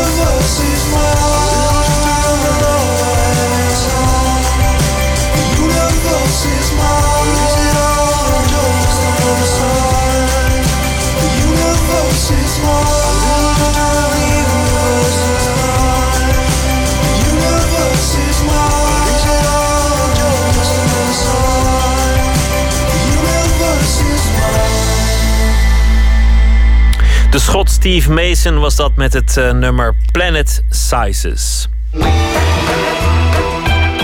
Nooit meer slapen. De eerste recensies zijn misschien een beetje aan de lauwe kant, maar hoe erg kan het zijn? Het is een film van de Coen Brothers met uh, George Clooney en Scarlett Johansson en het gaat over het Hollywood van de jaren 50. Heel Caesar ging vandaag in Nederland in première.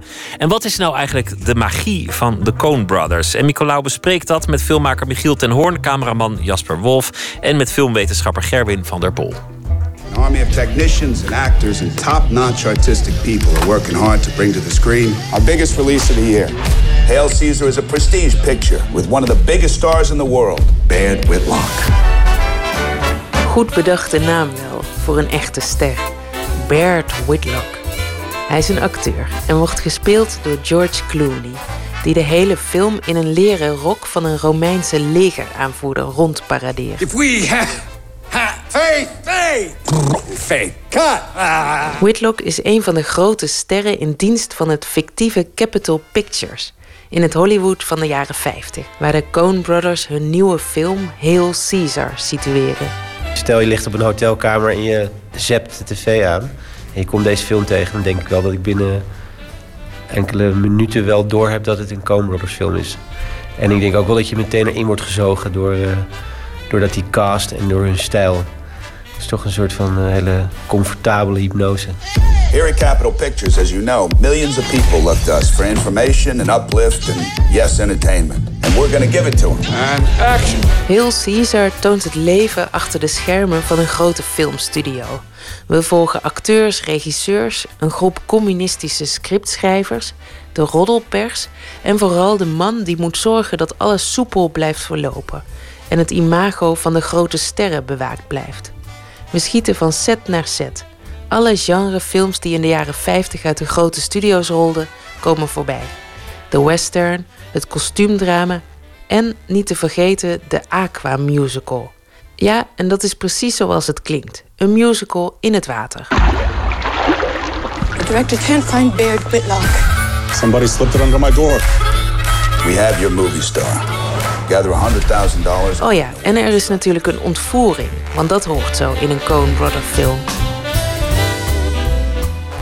Ja, ik zit inderdaad te denken wat die stijl dan is. Het is ook wel een bepaalde humor, die, een bepaalde ironie die niet meteen cynisch is of zo. Want ja, iedereen, uh, iedereen voelt een beetje oenerig of zo. Zelfs de hoofdrolspeler uh, uh, verpest de boel vaak voor zichzelf dan met name. Ik kijk de film met Michiel ten Hoorn en zijn vaste cameraman Jasper Wolf. De film Aan Motherfucker, die ze samen maakten, werd overladen met gouden kalveren. De films van Ten Hoorn kennen vaak ook absurdistische en komische elementen. We praten over de herkenbaarheid van de Coen Brother films. Nou, er zit een soort toon in, die zij denk ik overal inleggen. En uh, zeker naar de film die we net gezien hebben, is natuurlijk ook een film die gaat over film. Uh, dus een scène over Romeinen is, gaat niet over een realisme, maar ze hebben gewoon hun eigen realisme uitgevonden. Die is nu zo herkenbaar geworden. Het zit hem ook in cast en hoe het gedraaid wordt, het verhaal, de ongrijpbaarheid ervan. Ik, ik vind het heel moeilijk te beschrijven, maar ik herken het altijd wel direct, ja. ja. Gerwin van der Pol is filmwetenschapper aan de Universiteit van Amsterdam en fan van de Coen Brothers van het eerste uur. In vijf minuten is het niet alleen dat je denkt het is typisch Coen Brothers, maar het is meer het lijkt op niks anders dan de Coen Brothers. Dat is wat je doet. Volgens hem zijn er een aantal zaken die een Coen Brother film tot een Coen Brother film maken. Een gevoel is het ten eerste is het van, dat je te maken hebt met enorme filmliefhebbers en filmkenners. Dus alle filmkenners in de wereld die zijn ook verliefd eigenlijk op de Coen Brothers film... omdat ze dan herkennen hun enthousiasme voor het film kijken. Nog veel meer dan het maken. Waar zie je dat dan in? Zitten veel verwijzingen naar andere films in? Alleen maar. Het is zelfs zinloos om alle referenties te gaan opzoeken. Uh, daar zijn er zo onwaarschijnlijk veel van. Ja, dat komt meestal in de 200 titels uh, per film of zo. Dus dat, dat is bizar. En verder lopen ze eigenlijk alle scriptschrijfconventies aan hun laars. Wat zij specifiek doen, dat is um, dat ze een heel eigenzinnig verhaal hebben. Dat alle kanten op gaat. Uh, geen lijn in zit. Of tenminste heel moeilijk te volgen lijn met heel, allemaal zijpaden. En veel meer dan mag eigenlijk volgens Hollywood. Wat ze dan doen is dat die zijpaden ook allemaal langs allerlei genres gaan. Dus je hebt niet één genre, maar je hebt een hele hoop verschillende genres. Het is wel heel vaak gekoppeld aan een misdaadprobleem, maar opvallend is ook weer hier weer dat dat er eigenlijk niet toe doet. Het is meer een aanleiding. Ik bedoel, het zal je een zorg wezen hoe het afloopt. Ethan en Joel Cohn begonnen, zoals dat dan heet, off Hollywood. Zij zijn een van de mensen die dat groot gemaakt hebben, Independent Hollywood. Dat ze nu zelfs zo succesvol is dat, ze, dat zij, hoewel ze aan de rand begonnen, nu eigenlijk het centrum van Hollywood zijn geworden. In heel Caesar tonen ze het Hollywood van de jaren 50, toen acteurs en regisseurs nog in dienst waren van almachtige studiobazen. Heel anders dan nu, maar toch waren dingen wel herkenbaar voor Michiel ten Hoorn. All right, all right, let's try this. Your line, just say it as I say it. Say your line exactly as I'm mm-hmm. about to. Okay, sure. Would that it were so simple. Would that it were so simple. Would that it were so simple. Ja, er is inderdaad een grappig fragment, fragmenten dan de regisseur een uh, acteur probeert te souffleren of niet eens een tekst voorzeggen, maar meer gewoon een tekst dat, hij, dat een acteur het na moet spreken, omdat het gewoon, die heeft geen idee wat hij aan het doen is. En die momenten herken ik wel. Dat je ook zo echt zelf geen idee meer hebt wat je nou eigenlijk aan het doen bent. Would that it were so simple. Would that it were so simple. Would that it were... Wait, wait, watch my mouth. Would that it were so simple. Would that it were so Would simple. That it were so simple. Would that it were so simple. My dear boy, why do you say that? Why do you say twere? Well, you said say it like I said it. Yeah, yeah, Wat je eigenlijk wilt, is dat een acteur dus iets speelt omdat hij het voelt en begrijpt. En het laatste wat je wilt als regisseur is dat, dat je het moet voorspelen. Dat iemand het dan moet nadoen of zo. Dat is natuurlijk verschrikkelijk. Would that it were so simple. Would that it were so simple. Als je veel tegen een acteur moet praten, dan heb je waarschijnlijk de verkeerde persoon gecast, zegt Ethan Cohn in een interview in Variety. Maar het lijkt erop dat dat de broers niet vaak overkomt. Sterrenacteurs staan in de rij om met hen te werken. Niet raar, want in de afgelopen 30 jaar is een lange lijst met memorabele personages ontstaan.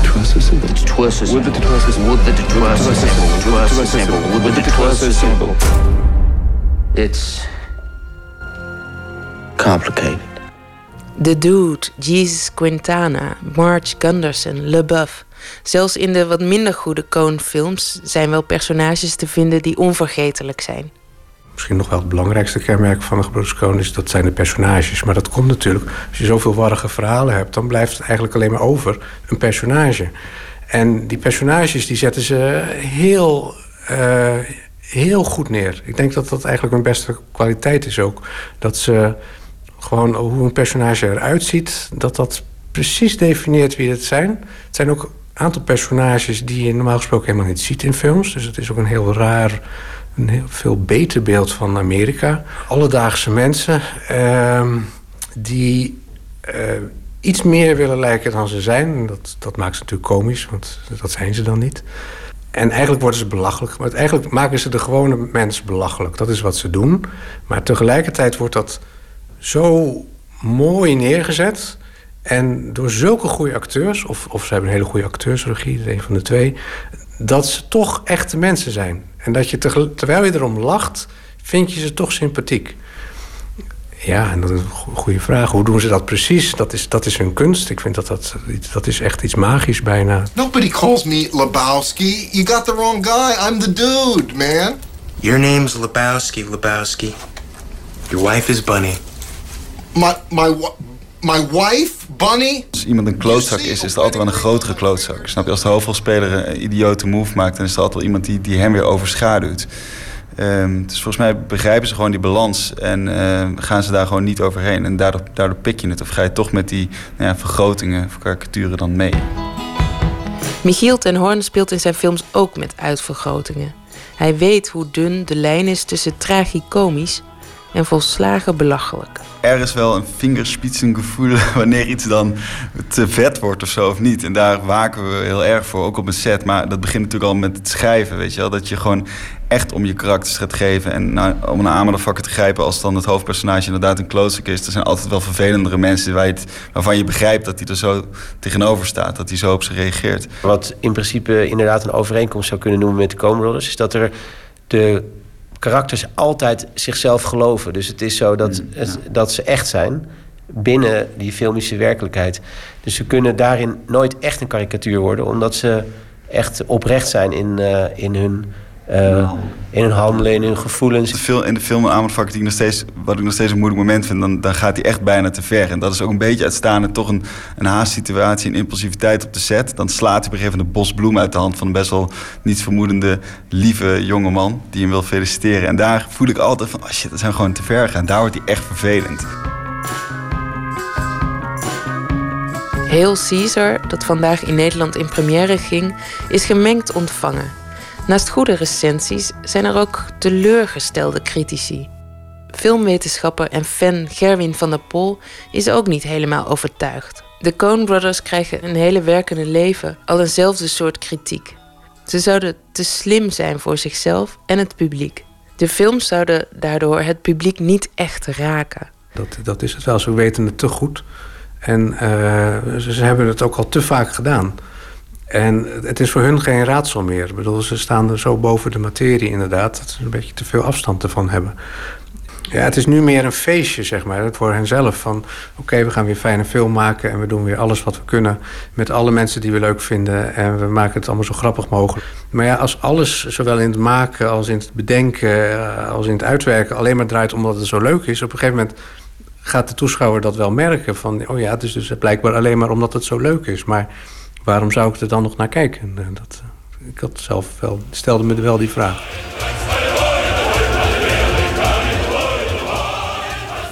En Nicolaou sprak met regisseur Michiel ten Hoorn en cameraman Jasper Wolf en filmwetenschapper Gerwin van der Pol. Zometeen uh, ontvang ik uh, Michael Franci, zanger van de band Mala Vita, oorspronkelijk afkomstig uit Italië. De andere bandleden komen uit Bosnië en Servië. En uh, ze zingen in het Engels. Een nieuw album is verschenen, So Far So Good. En dit nummer wordt nou net niet in het Engels gezongen. Ultramonto.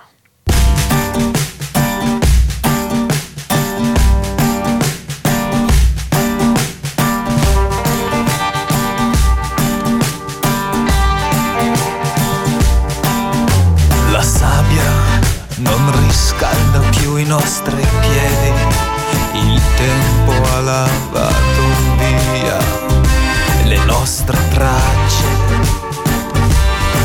I gabbiani non mi dicono più dove la verità improbabile in pace. Rimango su.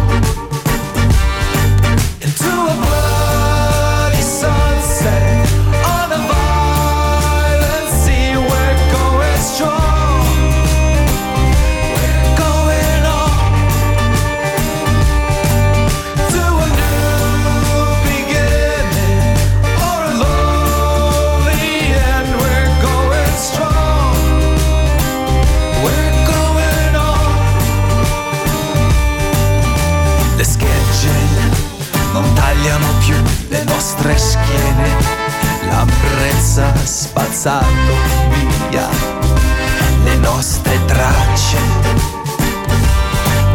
Le meduse non cantano più della gioia insostituibile in pace. Rimango su. Into a bloody sunset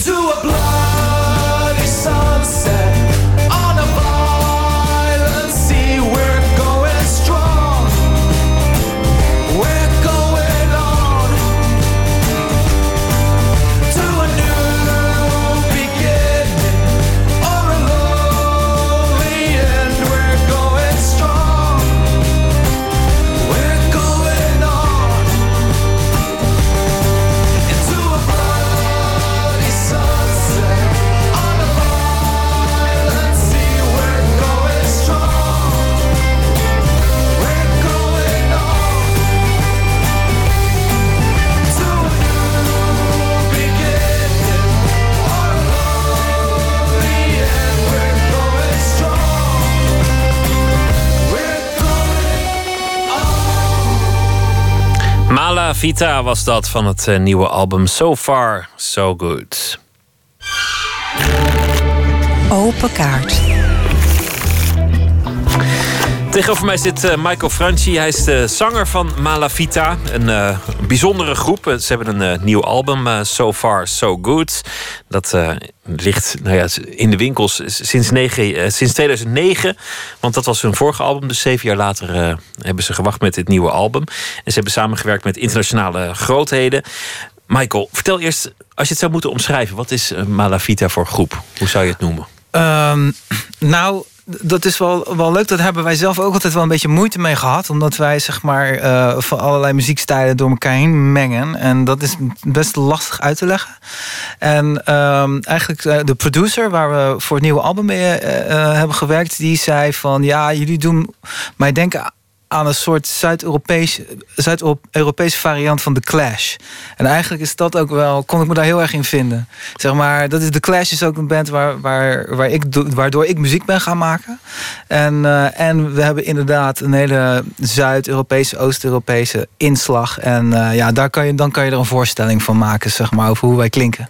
The Clash was een, was een band die, die, die kwam voort uit de punkbeweging, maar die, die waren eigenlijk te ruimdenkend om zich in dat keurslijf te laten dwingen. Die wilden gewoon andere dingen doen, zich laten beïnvloeden door wat op hun pad kwam. Ja, precies. En de essentie was gewoon een ruige eh, vorm van rock and roll. Ja. Uiteindelijk. Ja, nou ja, zij lieten zien dat je dus ook andere stijlen, dat je dus punk niet, ehm, niet zo ehm, narrow, zeg maar zo afgebakend hoeft te zijn. En dat, dat je ook eh, bijvoorbeeld bepaalde folkstijlen of wereldmuziekstijlen ook op een punk manier kan spelen. Dus dat je bijvoorbeeld, eh, dat eh, ja, reggae kan ook punk zijn. Of zeg maar, Latin invloeden kunnen ook punk in zich hebben. En zij waren de eerste westerse band die dat echt liet zien. Die dat gewoon met een soort, soort attitude deden.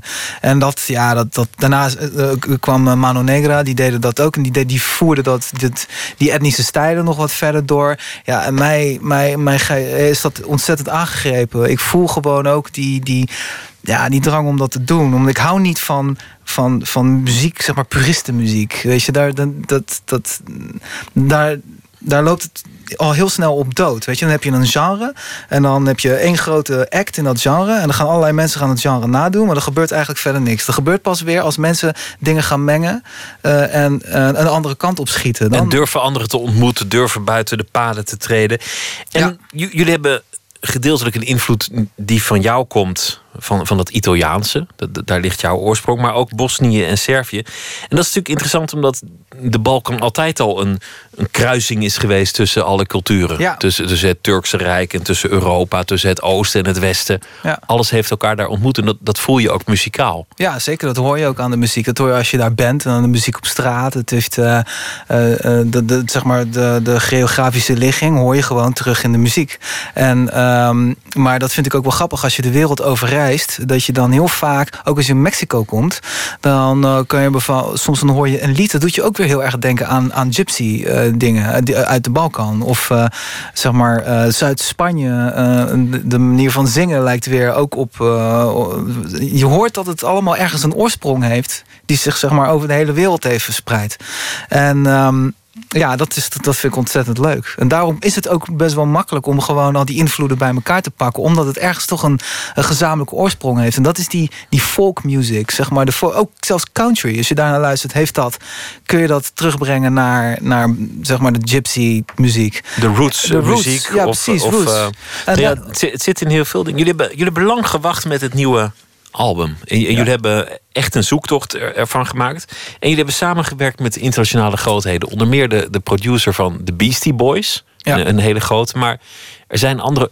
Hoe is dat gegaan? Vertel eens iets over de totstandkoming van het, van het album. Ehm, nou, dat is zeg maar, wij, wij wilden na een paar albums uitgebracht te hebben en heel veel getoerd te hebben, wilden wij eh, iets anders. We wilden een album uitbrengen die een soort andere functie kon vervullen dan alleen maar eh, al die energie die we hebben en die losbandigheid, eh, zoals die het op die, op die oude albums is. We wilden een, een album maken wat je ook, eh, dat je achterover kan leunen in je stoel en ernaar kan luisteren en gewoon mooie muziek kan horen, maar nog steeds met die, die ballen van, eh, die, die we altijd hebben, zeg maar.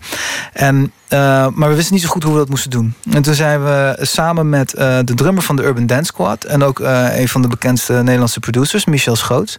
zijn we nummers gaan schrijven. We hadden hem gev- gevraagd. We zijn fan van de Urban Dance Squad. Dus we dachten, nou, als we iemand in Nederland willen werken... dan is hij het. En, zei, en hij, hij was ook enthousiast. Hij vindt de band te gek. En hij zag ook direct die, die link muzikaal. En toen zijn we nummers gaan schrijven. Toen zijn we gaan pre-produceren. Dus echt, eh, dat, is, dat is in feite natuurlijk gewoon het schrijfproces. Maar hij zei ook van, we moeten na gaan denken over wie jullie uiteindelijk die sound gaat geven. Want hij eh, wilde dat niet zelf doen. Hij zei van het, eind, het, opnemen, het eindproces, een sound, daar gaan we iemand voor zoeken die dat kan doen. En toen kwamen we dus uit op Mario Caldato.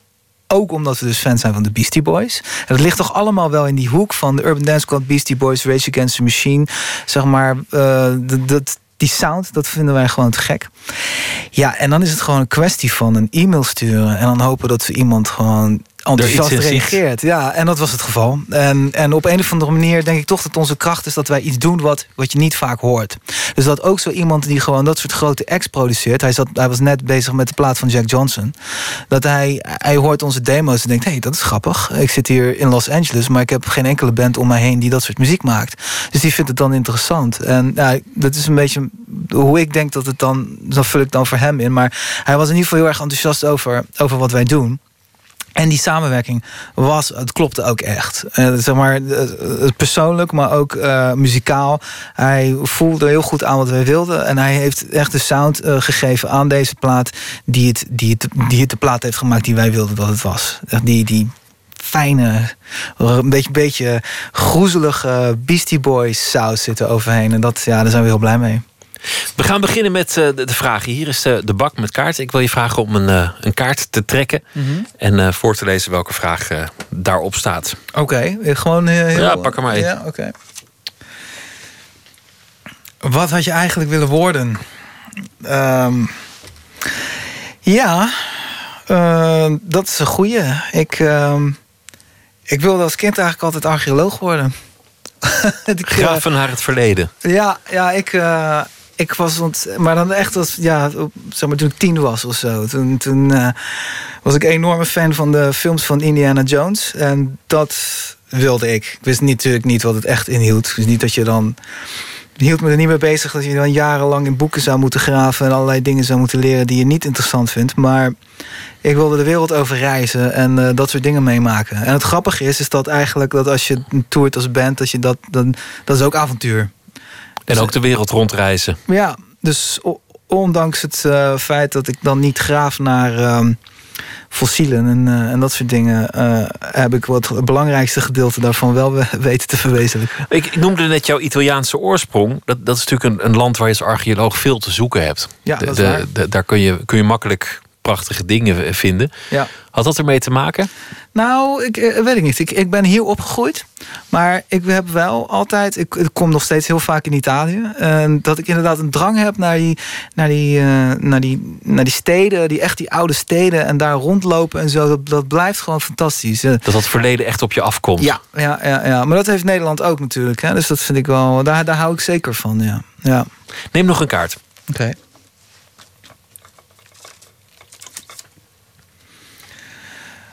Hoe wil je dat mensen zich jou herinneren? Ja. Eh, eh, wat ik belangrijk vind is, is zeg maar onze ehm, eh, een voormalige bassist in de band. Die heeft, die heeft ooit tegen ons, tegen mij gezegd. we hadden het over van ja, wat, waarom word je muzikant? Waarom doen we dit eigenlijk? Die zei van ja, het is het een van de weinige beroepen waar je eigenlijk echt gewoon niks kwaad in kan doen. Je kunt niet. ehm, kijk, er zijn zoveel beroepen die je kan bedenken, waardoor je toch ehm, een, een, een verkeerde slag maakt en daardoor iets slechts veroorzaakt. Ik bedoel, weet je, bijvoorbeeld als journalist kun je, kun je verkeerde keuzes maken door uh, Wilders voortdurend aan het woord te laten, bijvoorbeeld. Of, en er zijn een heleboel dingen waardoor je door foute keuzes Maar wat kan je verkeerd doen als muzikant? Als je op het podium staat en je wilt gewoon mensen blij maken. En wie er geen zin in heeft, die komt gewoon niet. Ja, inderdaad. Ja. En dus, dus het zou fijn zijn als ik word herinnerd als diegene die gewoon een heleboel mensen blij heeft gemaakt met, eh, met muziek en optredens en, en die herinneringen aan die, eh, aan die, die goede, positieve herinneringen. Ja. Toch gaat het wel verder, want, want jullie hebben wel degelijk liedjes die ergens over gaan. De, de, de economische crisis, de misstanden in de financiële wereld.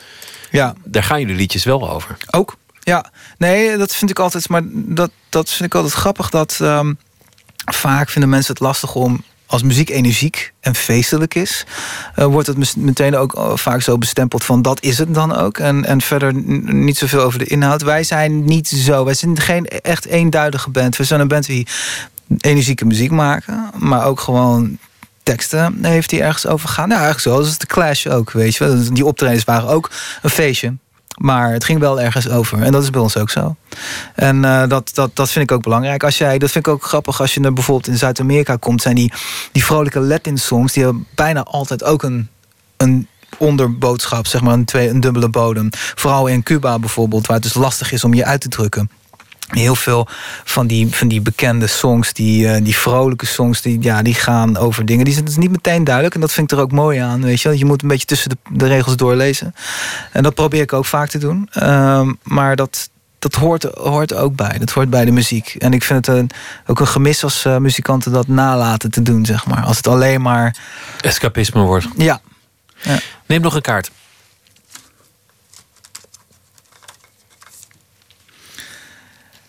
Eh, wat was een moment van triomf? Ehm, ja, dat was eh Ziget. Ik zal het nooit vergeten. In Hongarije. Ja. Eh, wij, wij werden uitgenodigd om daar te spelen. En we zaten gewoon in een tour. We hadden een album uitgebracht. We zaten gewoon... eh, dat ging allemaal wel lekker. Dat was oké. Ik zat zelf... eh, ik weet niet in eh, wat, wat relatieproblemen. Ik had eigenlijk... De band ging oké. Ik had persoonlijk best wel een roltijd. En, en je, weet... Nou, eigenlijk weet ik nog dat we pakten het vliegtuig naar Hongarije, naar Budapest. En de dag daarvoor ging die relatie uit. En ik was helemaal naar de kloten daarvan. En, ehm, en ik kom het podium op in Siget, waar je totaal niet verwacht dat, dat iedereen je kent. Je denkt van, nou oké, er zullen wel wat mensen zijn die ons kennen, maar weet je wel. En, en voordat we, begonnen, was het al een, een groot gejuich. En Mensen stonden al te springen voordat we noten hadden gespeeld. En we hebben die tent letterlijk afgebroken. En ja, dat zal ik gewoon nooit meer vergeten. Maar ook vooral omdat je zeg maar zo'n high en zo'n low tegelijk voelt. En dat geeft een heel raar iets. Dat is net alsof je, als je, als je een, een, een, hele, een heel heet mes ineens in koud water dumpt. Weet, je, gebeurt er ook iets raars. En dat, dat, ehm, dat had ik daar ook. Dus, maar dat zal ik absoluut nooit vergeten. Misschien dat je ook zintuigelijk wel helemaal open staat... Om, omdat er net iets heel vervelends is gebeurd. Ja, misschien wel. Ja, dat dat kan, dat, dat alles ineens eh, urgentie heeft gekregen. Ja, dat, dat, zou het goed kunnen. staat. Eh, zeker, het heeft in ieder geval een, een hele andere uitwerking op je dan. Maar ook gewoon puur eh, objectief. Ook voor anderen die erbij waren, die zeiden... ja, dat, dat was, was echt bizar. Echt dat zo, zo... En vrees ook dat het lastig wordt om, om nog een optreden te doen... wat daar overheen kan. Dat kan ik me bijna niet voorstellen eigenlijk. Nou, jullie gaan toeren en, een- en een vrij uitgebreide tour ook. Waar gaat het jullie allemaal brengen de komende tijd? Nou, in ieder geval door, door een groot deel van Nederland. Eigenlijk gaan we alle kanten wel op. Gewoon de leuke, leuke clubs. De, de, de, poppodia, Paard, het Patronaat. Simplon in Groningen. Het Bolwerk in Sneek. eh, nou ja, Utrecht. de- al, de, al die, die toffe zalen. En daar, dat hoort echt bij de release van dit album. Van we zijn weer terug. We gaan laten zien dat we weer terug zijn. We gaan een ga- gave show geven. Ja, en dan de rest van het jaar blijven we doorspelen. Er zijn, staan nog wat dingen in Duitsland, eh, eh, België. We, we gaan weer. eh dus de bedoeling om veel de grens over te gaan, Europa in te gaan. En, en, en lekker te spelen. En ja. Ik wens je heel veel plezier ook de komende Ja, dankjewel. tournee. Dankjewel. Het album heet So Far So Good van Malavita. Michael Franchi, dankjewel. Dankjewel. Stevie Wonder schreef dit eh, nummer eh, over Richard Nixon. En het eh, gaat ongeveer zo. Het heet You Haven't Done Nothing.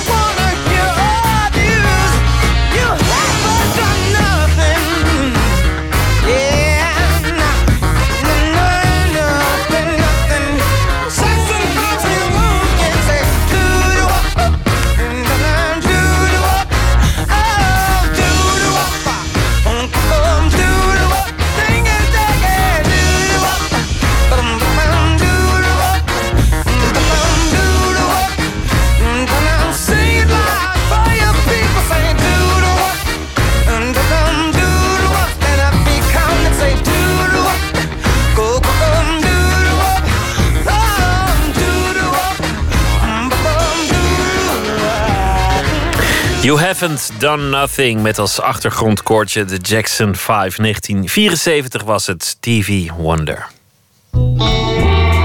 Nooit meer slapen. Punk is niet dood, maar uh, misschien zit er wel een luchtje aan inmiddels. In uh, de Melkweg in Amsterdam werd een tentoonstelling uh, geopend over het fenomeen punk. 40 jaar bestaat dat al zo'n beetje. Sinds 1976 volgens sommigen, 75 volgens anderen, 68 volgens weer anderen. Nou ja, daar is de strijd al begonnen. Tom Klaassen was dus bij de opening van een punk tentoonstelling in de Melkweg in Amsterdam. En hij is nachtcorrespondent. Tom. Veel aandacht hè, voor, de, voor de punk ineens, lijkt het. Ja, inderdaad. Nou, die, al die jaartallen die je net noemt... is allemaal buitengewoon verwarrend. Maar volgens mij houden de organisatoren van deze tentoonstelling... 1976 als uh, geboortejaar van de punk aan. De Sex Pistols. Precies, Engeland. En uh, uh, dat doen ze omdat ze dan kunnen zeggen van... nou, het is nu 40 jaar geleden, dus we vieren het jubileum... van het moment dat de vloedgolf van de punk over Engeland heen gutste... en alle glamrock en lange gitaarsolo's... en dito haren en glitterende pakjes in de slipstream meenam en het hele culturele landschap zo'n beetje veranderde. De maken van muziek, het maken van tijdschriften, uh, platen produceren, uh, grafisch ontwerpen, alle, al dat soort dingen veranderden fundamenteel. Nou, toch geen uh, lullig jubileum, zou ik zeggen. De punkherdenkingen die, die schieten uit de grond, de tentoonstellingen, de aandacht. Ja. Waarom ineens zoveel aandacht en, en wat is dit voor tentoonstelling? Nou ja, het is misschien een beetje veel. Hè? Eh, je kunt eh, dus blijkbaar in al die jaren... 1968 kun je als beginjaar nemen, 1977, 76, 75... dus je kunt eigenlijk elk jaar wel zeggen dat het 40 jaar geleden is... dat de punk begonnen is. Ik moet zeggen dat ik de Sex Pistols een mooi moment vind. hoor. Want, Ja. want toen, toen raakte de naam ook in zwang... en toen werd het ook een, een breed gedragen beweging. Dus, dus ik vind dat niet, niet gek gekozen. Nee, ben ik met je eens. Maar de, de eerste reactie toen ik het persbericht van deze tentoonstelling kreeg... was wel even van, oh god, daar gaan we weer. Weer een tentoonstelling over punk met gestencelde A4'tjes en eh, eh, goedkope singeltjes. Maar het was toch net iets, eh, iets anders. Want een van de organisatoren, Leonor Faber-Jonker... geboren in 1987, mind you... die heeft een hele frisse eh, kijk op die oude punk. Over haar vertel ik later meer. Eerst even die tentoonstelling. Daar staan de punklabels... Plurex, No Fun en Torso centraal. Drie pionierende Nederlandse labels met Nederlandse bands... met vaak ook Nederlandse teksten. En punk uit Nederland klonk zo'n beetje zo.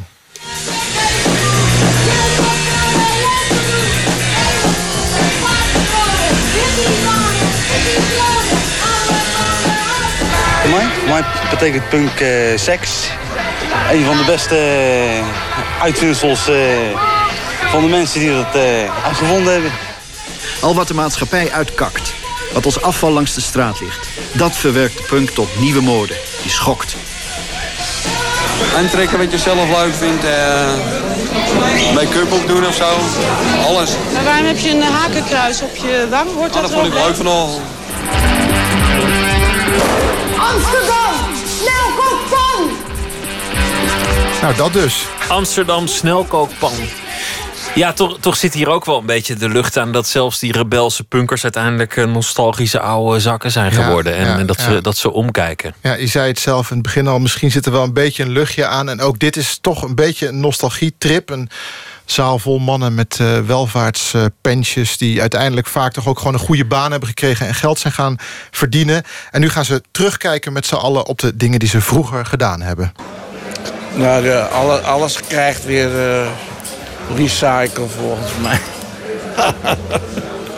Vroeger, eh, die singeltjes die verkochten voor geen enkele meter. En, op een gegeven moment waren die singles dus eh, op eBay opeens 500 dollar en dat soort flauwekul. En eh, ja, nu krijg je dit er opeens allemaal over. En waar het vandaan komt, dan moet het me niet vragen.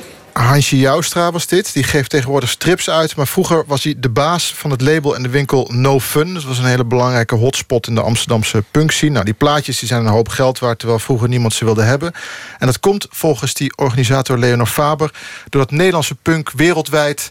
eh, als heel erg onderscheidend wordt gezien. Punk om te lachen is het ook vaak een beetje. Punk met humor. En veel minder kwaad en giftig en politiek dan die Engelse punk. Maar wat je in die tentoonstelling heel erg ziet... is dat er meer is dan alleen maar muziek. Namelijk de esthetiek en de mentaliteit van de punk... die je steeds vaker ook weer terugziet tegenwoordig. Do it yourself was de slogan eh, van de punk. Ja, we kunnen er nu een beetje snoevend over doen. Maar het heeft natuurlijk heel veel invloed gehad op, op, op heel veel terreinen in de Nederlandse cultuurgeschiedenis, in, in het Nederlandse stedenbeleid. Ja. En wereldwijd is de, is de fakkel overgedragen. In, in heel veel landen blijkt de rebellie. Nou ja, Pussy Riot was nog uh, onlangs in, in Rusland veel in het nieuws. Wel degelijk vanuit uh, de, de punk te komen. Inderdaad. Laten we, laten we teruggaan naar de Nederlandse uh, punkmentaliteit. Do it yourself. Ja, want ook in Nederland is dat de grote verworvenheid van de punk... die de, de jaren doorstaan heeft. Hè. Dat DIY, uh, dat zuig ik niet zelf uit mijn duim. Dat vindt bijvoorbeeld ook meneer Beppie Viergever, alias Broodje. En Broodje is een oer-Hollandse punk-icoon. Die was vanmiddag uh, de enige in de zaal met roze haar... en een Sex Pistols t-shirt aan. Do it yourself alles werd door iedereen gedaan. Er was geen geld, niemand had geld, maar men verzon gewoon hoe je het wel kon brengen. Hansie Joustra met het No Fun label ook. Uh, Doe het jezelf. Hansie had het geluk dat hij uh, Joost Zwarte kende. Daarom waren de platen zo uh, mooi van het No Fun label. Nou, en die muziek is dan dus eigenlijk secundair aan die DIY-esthetiek en mentaliteit... Uh, die die grote verandering in Nederland teweeg heeft gebracht... die nog steeds zichtbaar en voelbaar is. En daarom zijn die hoezen en die posters die je in de Melkweg ziet hangen... die zien er ook nog steeds ontzettend modern en hedendaags uit. Nou is het gekke aan, aan, aan de punk dat, uh, dat bij grote modeketens punkkleding hangt... en dat, dat Ramones klinken bij de, de Super Bowl om, om, om ja. het stadion op te hitsen. Wat is er nou nog over van de, van de rebellie en de onafhankelijkheid en de redderigheid? Uh, niet zo heel erg veel, uh, als ik de mensen mag geloven die ik vanmiddag gesproken heb. Het komt vooral omdat de punkers als groep niet meer zo verenigd zijn. Ze hadden vroeger eigen cafés, podia, woonden samen in kraakpanden. En dat is gewoon niet meer zo. Volgens Leonor Faber zijn de omstandigheden van de mensen niet zozeer verbeterd... maar zijn de mensen zelf veranderd. Maar mensen maken zich niet zo snel meer kwaad. En zeker niet in een... Uh, in een individuele vorm. Als mensen kwaad zijn nu, dan zetten ze iets... Uh... Nee, mensen zetten dan iets boos op Facebook en gaan over tot de orde van de dag. En zich uh, slag in de ronde te werken om, uh, om een huur te kunnen betalen. Ja, dus mensen zitten nog steeds in de hoek waar de klappen vallen. Maar dat groepsgevoel van de punk is dus wel echt een beetje verdwenen. Daar zijn Broodje en Hans Joustra en Leonard wel over eens. Maar die DIY-mentaliteit, die is springlevend. Je hebt ook bands en die maken geen punkmuziek. Uh, maar die hebben wel die DIY-mentaliteit. En ook, uh, uh, die hebben ook, maken ook muziek die rauw is. En op een bepaalde manier toch wel erg gedurfd. Of, en dat, dat, die dat frisse hebben. En ook wel kwade van punk.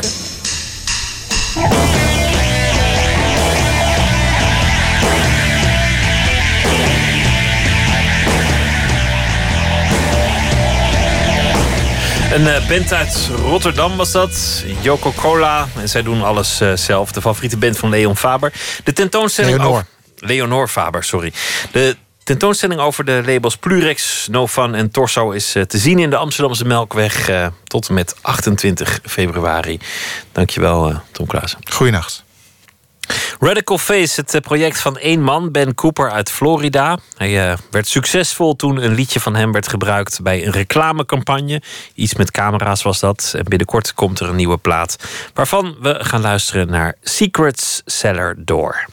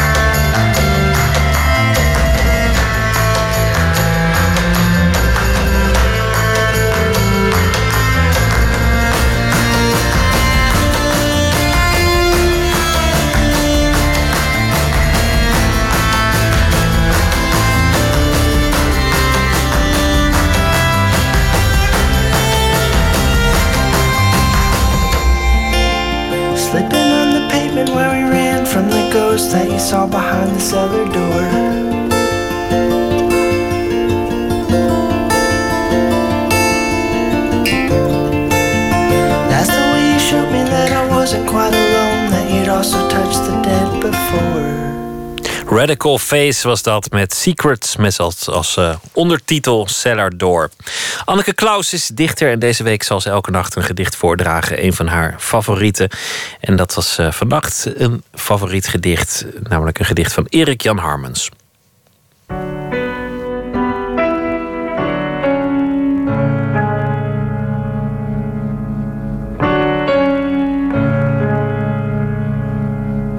Erik Jan Harmens is een dichter die ik volg sinds het moment dat ik zo'n tien jaar geleden zelf naar poëzieavonden begon te gaan en begon te schrijven. Hij heeft een heel sterke eigen stem. En dan doe ik niet alleen op zijn voorleesstem, die als je hem eenmaal hebt gehoord, voor altijd bijblijft, omdat hij zo bijt en sart. Maar vooral ook op zijn afgemeten stijl en zijn voelbare liefde voor spreektaal, voor zeldzame woorden, voor uit de bocht gierende vergelijkingen, etc. Hij schrijft over een mechanische wereld die zich naar de afgrond lijkt te begeven. En waar, zo lijkt het dan, per ongeluk mensen met gedachten en gevoelens in zijn neergezet. Uit zijn laatst verschenen bundel Open Mond uit 2013 lees ik een titelloos gedicht. Er loopt een enge man op de trap. Ik heb hem nog niet gezien. Ik weet dat hij komt, want ik hoor hem. Hij maakt afwijkende geluiden. Ik hou een kussen in mijn handen. Dat ga ik hem overhandigen. Buiten rijdt een tram, vol mensen, vol dromen, vol gaten. Anneke Klaus las een gedicht van Erik Jan Harmensen. Morgen zal ze weer een gedicht uitkiezen en voordragen. Morgen in Nooit meer slapen zit hier Esther Naomi Parkine... en zij gaat in gesprek met actrice en comedienne Loes Luca. Die eh, op het toneel staat met een eh, voorstelling Doek over echt en onecht. En ze is natuurlijk bekend van heel veel andere dingen. Onder meer Ja, zuster, nee, zuster. En eh, het schaap met de vijf poten. En heel veel andere dingen die ze heeft gedaan. Dat morgen in Nooit meer slapen. En eh, nu wens ik u een hele goede nacht. En morgen wens ik u een hele leuke dag. En zometeen op NPO Radio 1 kunt u luisteren naar eh, De Nachtzuster. Het concept is eh, wellicht bekend. En anders is het eenvoudig uit te leggen. De een heeft een vraag en de ander weet misschien wel het antwoord. Dus laten we beginnen met de vragen 0800 1121. Voor wie een vraag heeft. De Nachtzuster die zit er al klaar voor. Ik wens u, maar dat zei ik net ook al, een hele goede nacht.